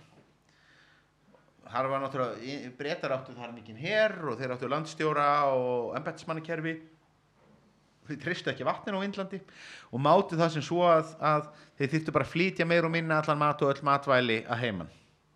Það var margra mánuða sigling og þá þurfti að velja bjór með mikið af humlum og mikið af alkohóli vegna þess að hvort vekja humlar og alkohól eru rótvarnarefni og þetta voru bjór með mikið geimsluþól svo gleymdist þessi bjór að mestu. Þá var einhver örf á brugghús bara í, í Bretlandi þetta var svona eh, einhver sveitabjór á nokkurum stöðum. Þar til að bandar ekki að mann endur uppgötan bara þegar að þessi smábrukus að bylgja byrjar hjá þeim á níund og tíund áratökum og þetta eru bjóratnir sem koma bandaríkjumönum á korti þetta eru bjóratnir sem að verða til þess að bjórsnopparar í Evrópa allt í henni bara fatta hérna bara ég fór í því til bandaríkjana ég fór hér á einhvern pub þar fekk ég bara ógæslega góðan bjór. Þetta er einhver skrítið. Þetta er út af Bretlandi og, og Indlandi. Já, byrja, byrja upprunnilega þannig, ég er mjög skemmtileg ég les mér skemmtilega bók sem fjallar um þessa sögu sko sem að bara það sem að, að höfundurinn bara lagði á sig siglingu með seglskútu frá til Indlands. Veit ekki nákvæmlega hvers- hvernig það átti að gera meira fyrir bókina en gott að vera hérna, Góð saga. góð saga. Ég held alltaf að Indian Pale Ale sko væri bara sko að því ég, að því ég vissi að það væri me- mest megnis úr bandaríkjum sko. ég og bara að bara því ég hugsaði um nafni sko. Men þetta verður bara indjónar Já, það verður bara að hefa þetta sjálfur og, Síðan að ég mitt sá í þetta sko þannig að þeir eru frá að skoða þetta þetta er náttúrulega mjög fyndi sko. Ég held að það viti ekkert margir. Þannig að þarna átt að menn sé á því að, að bjór þarf ekki að vera bruggaður hérna, af einhverjum munkum í, í. Hérna, í Evrópu til þess að og það var bara daldið áfall fyrir Evrópubúa. Ég meina, það má líka þessu við það til dæmis þegar að þegar að frakkarnir þurftu bara að feysa það að Kaliforníu vínin voru bara að skora í blindri pröfu bara jafnhátt og, og fínu frönsku vínin sko. það var bara daldið áfall. Að þurfa bara að segja ok, þeir geta gert þetta líka. Og þetta gerist aldrei með bjórin og það voru IPA bjórarnir sem komið þeim á kortið. Og og það svona átti sér líka það átti sér líka daldið þá skýringu að Evrópubúar voru bara mjög markvist og meðvitað búin að vera að rækta upp humla sem að voru daufari og bragð minni bara vegna þess að humla bragð þótti ekki gott í bjór. Mikið humla bragð var bara talið til marks um það að bruggmistarinn var í lélegur. Og Amerikanar voru bara með miklu svona meira svona robust, svona grófari humla með sterkari síturskeim og svo bara fóru þeir bara og snýru öllu á kvolf og sögðu nei, við viljum bara humlabræði fá að njóta sín. Það gerist með þessum amerísku IPA bjórum og það hefur aldrei fyllt. Og við sjáum þetta aldrei líka að öll smábrukús þau byrja í IPA hluta til að þetta er aldrei einfalt. Þetta er eh, þetta er náttúrulega þetta, þetta, þetta er, ég, ég líki þessu stundum við sko vel svona kryttaða austurlenska matagerðalist sko. Þó þú klúrir einhverju þá tekur enginn eftir neinu sko. Það er svo mikið chili sko. Já, ég, en það er alveg rétt. Það, það, það er frekar auðvelt að brugga IPA bjór í grunninn. Það er enginn heimabruggari sem að byrja að gera einhvern sko mildan lager. Nei. Þeir byrja allir að gera Já, við, við IPA. gerðum það, þetta er bara IPA bjór þetta er, þetta er og svo náttúrulega fer þetta í báðar áttir í setni tíð þá hafa menn svona farið að sjá að eins og IPA bjórinn er góður og þá er nú kannski ekki gott ef þú byrjar á honum að há degi sko, þá ert þú döðið fyrir skaup þannig að hérna þá var farið að búa til þennan session IPA eða svona all day IPA þetta hefur fengið svona ímis, ímis, ímis nöfn sem eru þá er að reyna að herma eftir þessari bræðtilfinningu og þessari miklu beiskju en ég eru kannski nær 4% í alkoholstyrk Já. 45 er það ekki Já, ef þú ert að byrja að snemma þá er það skynsalegt en svo er það náttúrulega eins og eins og við sögðum á sko, menn fara alltaf í grófara og harðara stöf sko. og mikið til meira þannig að það er, eng, það er engar hömlur á hvað menn vilja mikið af humlum og hvað menn vilja mikið alkohól og hérna erum við með erum við svona pínulítið að svindla á jólabjórsþemanu því þetta er ekki beinlýnins jólabjórar Nei, nei. En hér erum við með tvo doppul IPA og það er þá Úlfur Úlfur frá Borg og massaði kjúklingurinn frá Malbygg sem er náttúrulega einhvern allskemmtilegasta smábrukkúsi sem er í gangi í dag. Og hér erum við nú aldeilis að fara að sprengja bræðluga skalan það er eins gott að við séum ekki að fara að taka mandarínu vætelið hér beint í kjölfari En hvað hérna, hvað stendur þá doppul IPA fyrir? Já, hér, hér rekum stöða þessu í þetta að, að meina til dæmis Úlfur Úlfur með 9% í alkohóli uh, hann er í rauninni á meðan að sko Úlfur sem er kannski svona fyrirmyndin á honum og er svona þetta kunnar í svona mainstream bjórunum frá, uh, frá Borg hann er 5,7 minnum mig. Þannig að Double IPA hefur þá uh, vísað í að hann sé þá í rauninni með sko ég segi nú kannski ekki tvöfalt meira en hann sé með verulega mikið meira malt og þar að leiðandi alkohól og svo humla. Og en það er engin afgerandi og það, hér lendum við aftur í þessu sama og við höfum, höfum stundum reykist á áður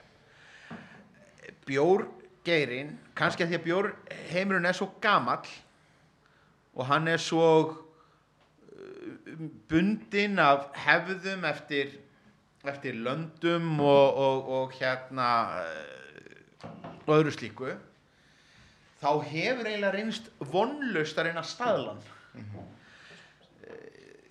í einu landi nota með þetta flokkunarkerfi og í öðru landi þetta og það er ekkert sko Evrópusambandið hefur ekkert reynt að taka slægin og segja mönnum sko þú verður að vera svona og svona til að mega kalla bjóriðin þetta. Þannig að það er engin það er í sjálfu sér engin skilgreining af því hversu sterkur eða humlaður bjóriðin má vera til þess að þú byrjar að kalla hann IPA eða India Pale Ale eða hvenær hann er bara Pale Ale eða hversu sterkur hann er þegar þú byrjar að kalla hann Pale Ale og svo trippul eða ekki? Og svo trippul er meira að segja til. Og þú ert í rauninni bara að skjóta út einhverju svona tilfinningu til neytandans. Þú ert að skapa ákveðna væntingar en þið getur ekki treyst því. Og ég meina eins og við hefum gert núna ég meina það er alveg til doppul IP bjóra sem að eru bara veikari og minna umlaðir heldur en mjög kröftugir skilin á milli massar kjúklings og, og mikil er jólabjórsinn sko. er, í prósadilu séð er- eru mjög lítið þú veist, það er 7,6 á móti 8 En sko þetta eru náttúrulega meðal annars út af því þegar þetta eru undir svo sterkir bjórar komin 9% og þeir eru bene þeir eru ekki með viðbættum sigri eftir þe- þegar að maður er með viðbættan sigur eða eða kortsíróp sem mægis eða hrísgrón eða eitthvað slíkt er ein, það er ein leið til að ná upp alkoholprósentin á bjórnum án þess að bodyið og þjættleikin fylgir með. Hérna erum við með bjór sem er algjörlega bruggaður upp með því að nota bygg. Og það þýðir það að þjættleikin að bodyið er verður alltaf massífur og massífur eftir því sem alkoholprósentin er herri en það finnum að það þið sjáu það meira að segja þið bara hristið þennan bjór í glasinu.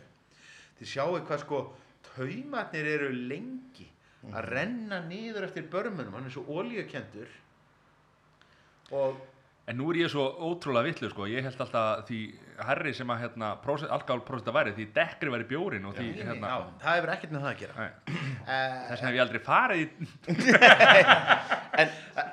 það hefur ekkert með það að gera. Og Íslendingar og þetta er náttúrulega við vorum svo lengi svo upptekin af þessu að, að, að það sem voru svo vinsælir það sem að, og þá má kannski um hluta til afleiðinga af bjórbanninu að það vinsælustu bjórarnir íslensku voru sko ódýrir rótsterkir bjórar. Elefant og eigin sterkur Já, þú, hérna, uh, já, þú sagði það, en hérna, en sagt, mjög sterkir uh, bjórar, þetta þótti nú mörgum vera bestu kaupin.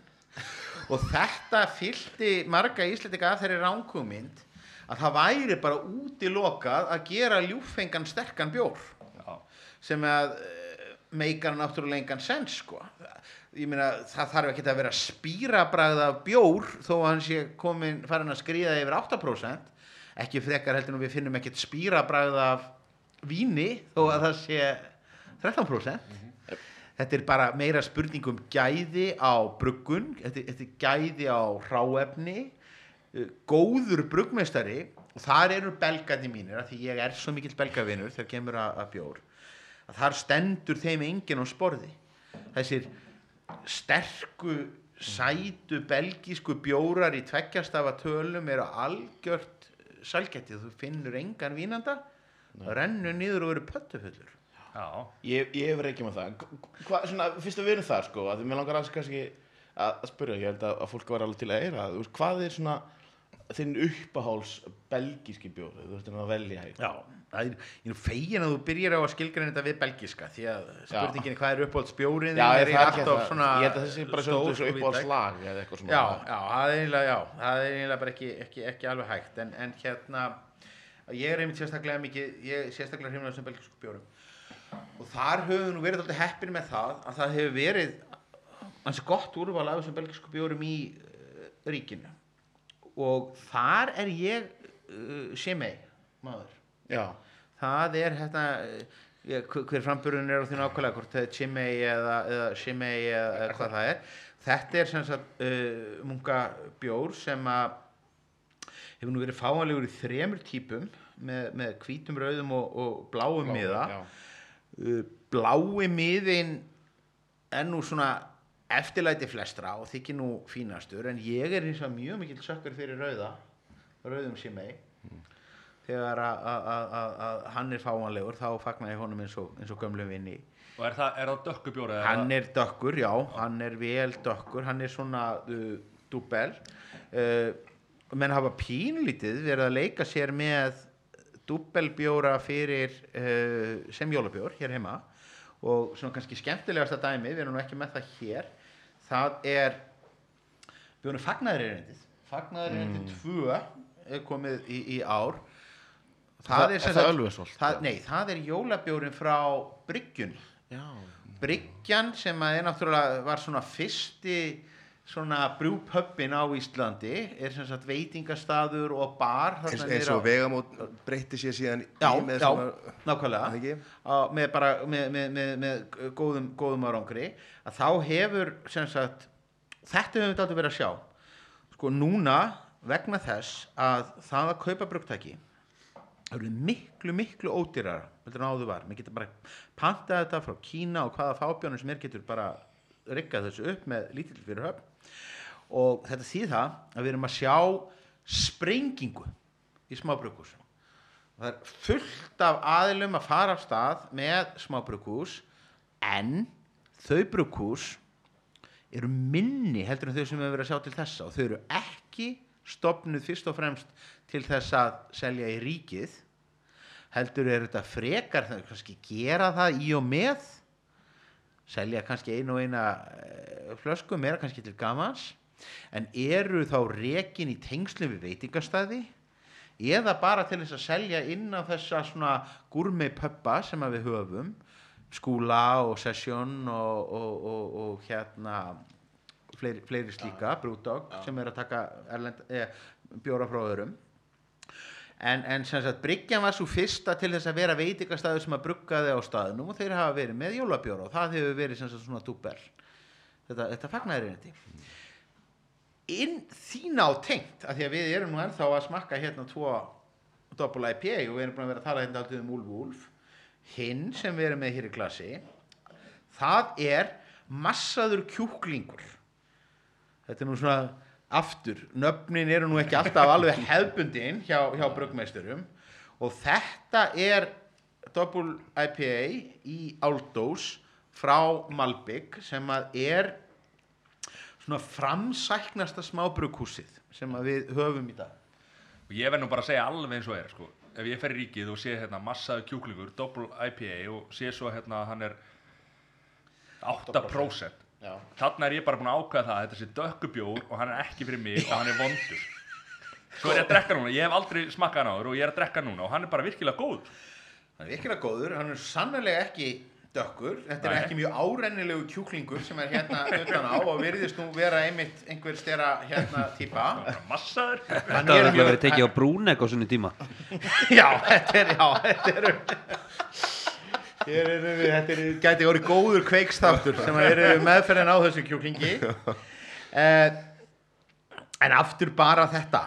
Ef að menn eh, kunna að meta humla og ég veit það að, að sko humlar, verulega humlaðu bjór. Þetta er eins og ólífur og gráðostur sko. það finnst þetta engum gott í allra fyrsta skipti. Svo þurfum við bara að halda sig við efnið og annarkvort læra með þetta eða ekki. Og Þetta hérna er svo góð líkikær, þetta er alveg rétt. Ég, bara ég man alveg þegar ég smakkaði fyrsta IPA-bjórin og ég var bara, hvað er þetta? Og núna í dag er ég bara, sko ég er bara þetta þefa þetta upp í allstaðar alveg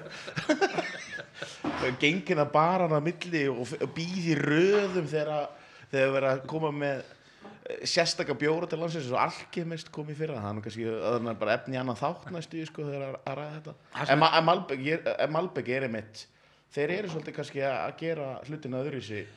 Já, er, þeir, þeir fara alltaf svona kannski öðruvísi inn í þetta að uh, þetta eru aðilar sem að, að byrja í innflutningi og, og, og þessir bjórar eins og uh, Brewdog og, og, og Mikkeler bjórarnir sérstaklega hafa bara verið fluttir inn af þessu fyrirtæki í átnáklegar og stofnendurnir eru bara miklu bjóráhugamenn og kerðir áfram af bara bjór áhuga við erum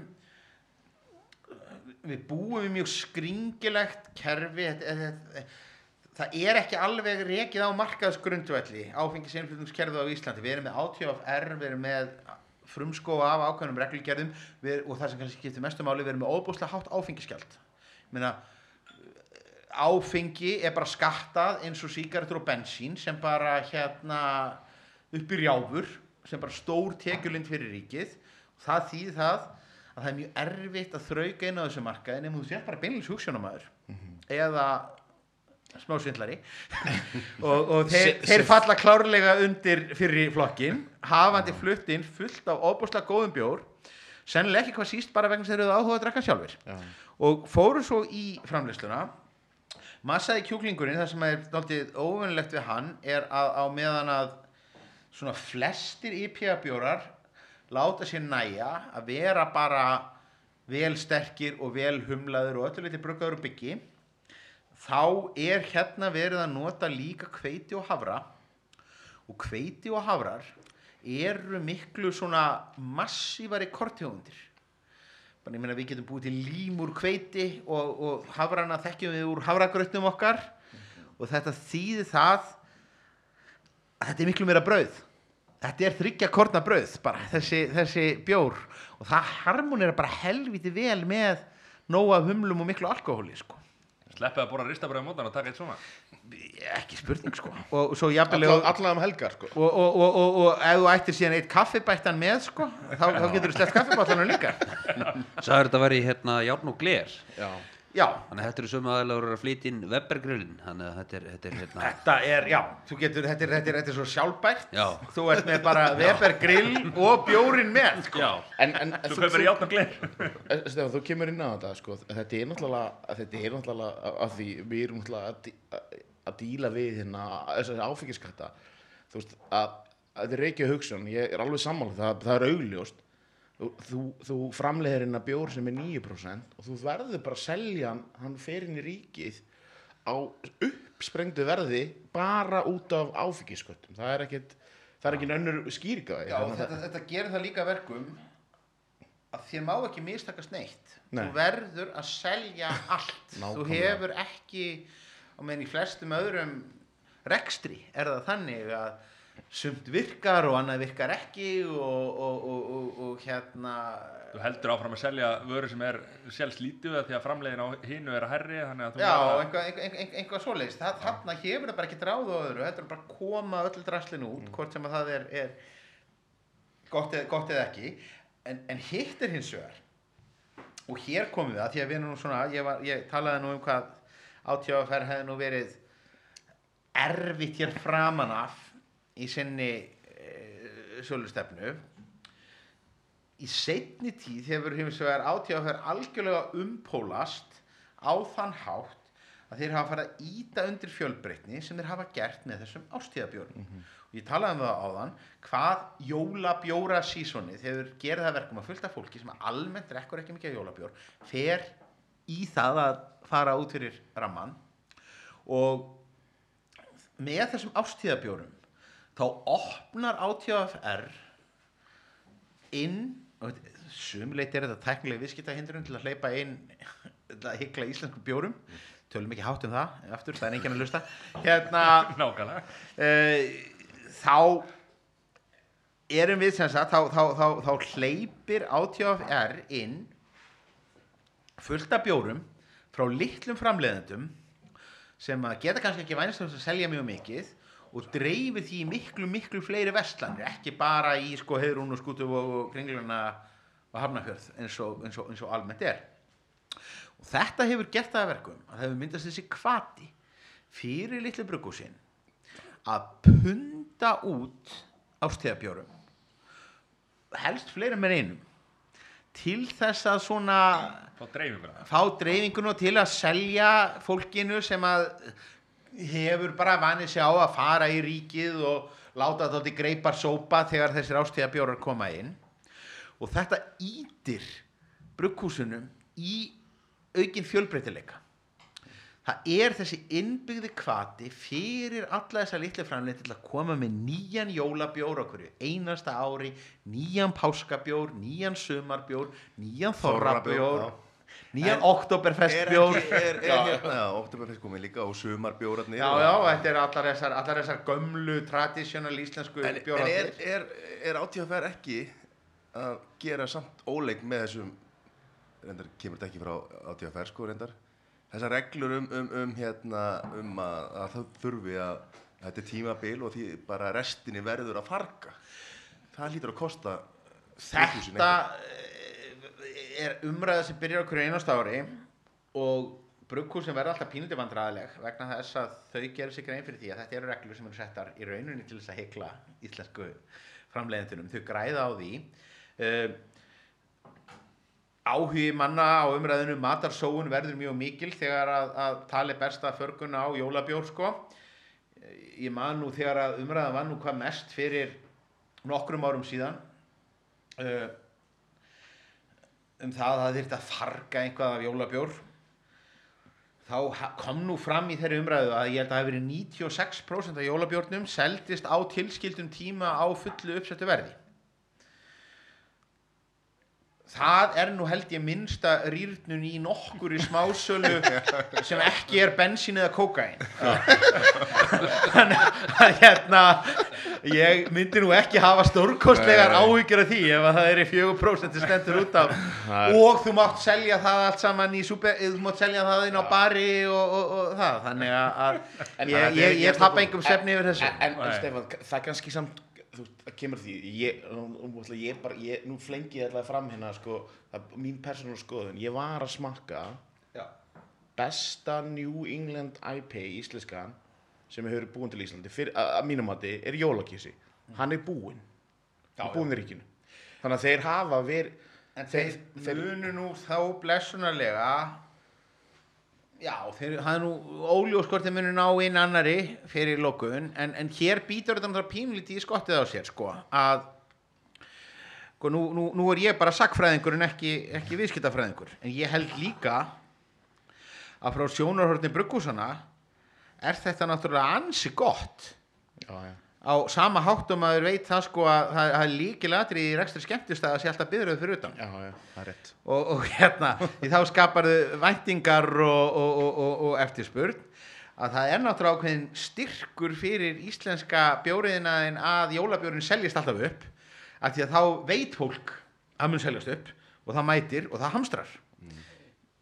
Ég held að ef að fólk hefði ástæðu til að ætla að allur jólabjórin væri bara til á þorlóksmessu þá yrði kannski ekki þessi rosalegi sölukippur í, í, í, í, november og, og, og desember. Þannig að þeir vita alveg, kapitalismin veit alveg hvað hann er að gera. Já, já, bara eins og með svona, veist, nei, eins, bara eins og með bíla, sko, þeir bara framleitir í einhverju svona luxusbílar í takmarku upplægi, Já. þeir gætu selt miklu fleiri, þeir bara vilja ekki... Vilt ekki selja, að þú vilt að það sé byrðröð, þú vilt að sé eftirspurn og þú veist það að sá sem að greipi tómt í fyrra hann mun já, koma aftur og hér ætlum við að ramma þetta inn með síðasta bjórnum sem við ætlum að taka hérna Hver er þinn? Nei, við ætlum bara að taka hinn, er alveg hann er alveg orðum taktlaus Við ætlum að taka, við ætlum að taka hurðaskelli Já. vegna þess að hurðaskellir var einmitt einn af þessum bjórum sem seldist upp á 0-1 í fyrra og margir grétu hástöfum yfir að missa á honum þannig að því var bara lofað af fórsvarsmunum borgar strax í byrjun að þeir myndu aftur senda frá sér hurðaskelli. Og þeim tókst hann á honum eins. Hurðaskellir er sem sagt hérna titlaður Imperial Porter. Er komið, er þetta kaffi eða? hér erum við komin með verulega þú verður nú að pröfa þú maður setja okkur. Þetta er hæst, bara svona skýtiðinn Já. þetta er hæst hæst rankaði íslenski bjór svo ég veit til á svona erlendum síðum. Það er engin íslensku bjór sem kemst nálætt í að vera eins hátt að rankar þessi og það verður þá bara leiður þetta með ef ég er rántur með þetta. Ég held að þetta sé rétt hjá mér sko. hér erum við nefnilega, ég, ég held að þetta sé alveg hárið þetta er sem sagt óbúslega dökkur Porter og, og styrkleikin er einhver 11% það er- 11,5 já. 11,5 uh, í hann er sett smá kakó eða sem sagt svona kakóhýði en punkturinn yfir yð og það, sem að, það er það sem skiptir öllum máli hér í þessum bjór er að hann liggur í bourbon tunnum. Hann liggur í tunnum undan rúviski og þroskast þar í einhverja mánuði eftir að hann er gerjaður sígur í sig viðinn og, og, og, og hérna engla hlut inn úr, úr, úr hérna fyrir áfengistegund. Og þetta er náttúrulega algjört konfekt. Þið, þið eru alltaf ungir hérna mennir til borðið til að, til að muna eftir sko Valensíu súkulaðinu með romrúsinunum. Sem að að- að- Herri, ég reynda veit hvað súkulega það er sko. ok, einhverjir sem að tengja. Eldri hlustendur þessa podcast djók, það er ekki til neitt sem heitir eldri hlustendur podcast þeir, þeir, þeir, þeir, þeir myndu, myndu mögulega átt að sjá því hvað er hér á ferðinni. Mamma er reyndar að hlusta sko. Hún man eftir Valensíu Já. En þá ein spurning, er þetta ekki, sko, er þetta ekki að setja viski heiminn í smá vesen? Að það er að verða vantar, það vantar góða tunnur. þetta er nefnilega helgjan sko, ég er nefnilega í í þessu af því ég er viski kall líka. Og hérna, er, er, er voða, voða gaman að góða viski. Og lengi vel var þetta þannig að viski bransinn hann satt bara einn af öllum þeim tómu tunnum sem var til fjall sem þýtti það að hann bara, hann bara hirti. Þú veist, bara hirti fyrir flutningskostnaði sko, hérna á, á, en í dag er staðan honum svo að það er ekki bara bjórin þetta er þetta líka komið í víninu mörgum áfengistegundum að það er bara slegist um áfengistunnur undan öðrum áfengistegundum og það er verið að nota púrtvín og það er verið að nota sherry og það er verið að nota armagnac og konjak og, og svo víðar og svo víðar. Það, er- það eru komin afleiðu viðskipti með tómar tunnur. Og hérna þetta þýðir það að þetta er bara orðið orðið dýrt. Uh, þetta er bara mjög dýrt fyrir viskibransan að verða sér út um allar það tunnur sem þeir þurfa. Mér skilst að svona slakari púrtíins framleiðendunir í Portugal séu farin að græða meira á að selja tómu tunnurnar heldur en innvolsi eftir framleiðendunir við erum alveg komin Viðskiptahugmynd. þetta er bara, bara business model sko. þannig að, hérna en, en, en, en við, við svona almennt sér grátum við þessa þróun en við hörmum það ekki hérna með hurðaskelli og þetta er náttúrulega bara bjór með sko dokkusúkulaði eða, eða einhverju, einhverju slíku þetta, er- þetta er eftirrétt þetta er eftirréttar Það, ég, Já. ég held nefnilega sko fólk sko þú veist, að því að við erum að taka sumraði ég held að það er svo margir sem að nei, ég get, ég get ekki stát, ég get ekki porterbjörna sko og ég held að það sé alltaf að vandamáli sé að það er að hugsa þennan bjór og þennan flokk eins og lagarbjór sko Já. Þetta ekki- er bara smak Já, Þetta ekki er marga bara- bjóra í einu. nei, Nei, þetta er bara nei, nei. drukki úr konjaksklasi sko. við deilum bara svona er, það, það vantar pínu held ég þannig að fólk, blöskar líka verðið Já, já. en í rauninni ef þú horfum á þetta þannig eins og þetta sé bara eftir þetta sem Stefán segir þá er þetta bara frekar ódýr eftir þetta Já. Nákvæmlega. Þetta er svona, já, eins og við segjum, þá er hérna, ég er ekki mikið fyrir dökkanbjór, sko.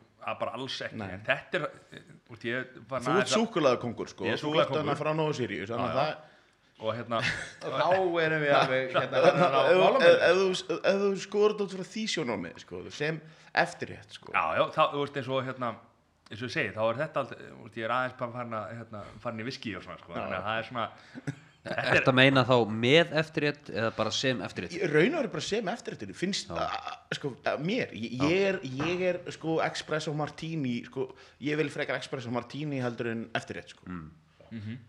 þú veist þú drekkur ekki tíu espresso martini sko, og þú drekkur heldur ekki tíu hurðarskelli sko. En Það er nema það að þú drekkur skemmtilegt eftirbráð á hann. já já ég meina bara, það, það er sæta í þessu og þú, þú ert kannski að skemmta þér út í góður auðvitað hópi þú ert búin að borða góða mat, gott rauðvín þú, það er til eftir þetta vín og það er alveg hægt að flokka þetta sem sem eftirréttar bjórvín. Eða skilur þá skilur það er ekki til þetta nafn ég er að búa til að staðnum en Ef ef þú tekur tíu af þessu þá ertu farin að skella hurðum já, á, þannig að við þetta er svona bara Eða hurðum skellt á þig. Á er Þetta er- sko. og skiptum, hérna, skrána, og, Já. Ég, það er Þá erum við alveg komin að þennan Heyrðu, ég held að er- við séum meira bara að slá botnin í þetta. Já, ég held að hana, Heldum niður Heldum hérna niður, niður Hurðarskelli, maður. Hurðarskelli Og já, er það, er, er það ekki bara góð Er, lóta? já, er það ekki góð logo? já, það er Heyri, Stefán Pálsson, takk hérlega fyrir komuna og vera hérna með okkur í kvöld og hérna bara við bendum fólki á að, að þú ert í símikroni fyrir, fyrir Eða þetta hérna hitta á mig í bjórskólanum Og Já, framhaldsnámski, mér finnst það spennandi sko. Ég vissi ekki að þessu sko. Þannig að ég Já, ég, ekki ég heldur. 203 Ég, sko. Það er 200 til, ég er tilbúin að fara að þanga sko. ég er tilbúin líka sko, þegar ég er nú búin að fara hvað, tvis að þrísvar í, í bjórskóla sko, þannig að ég held að ég Löng útskrifur og Já, byrjum þannig að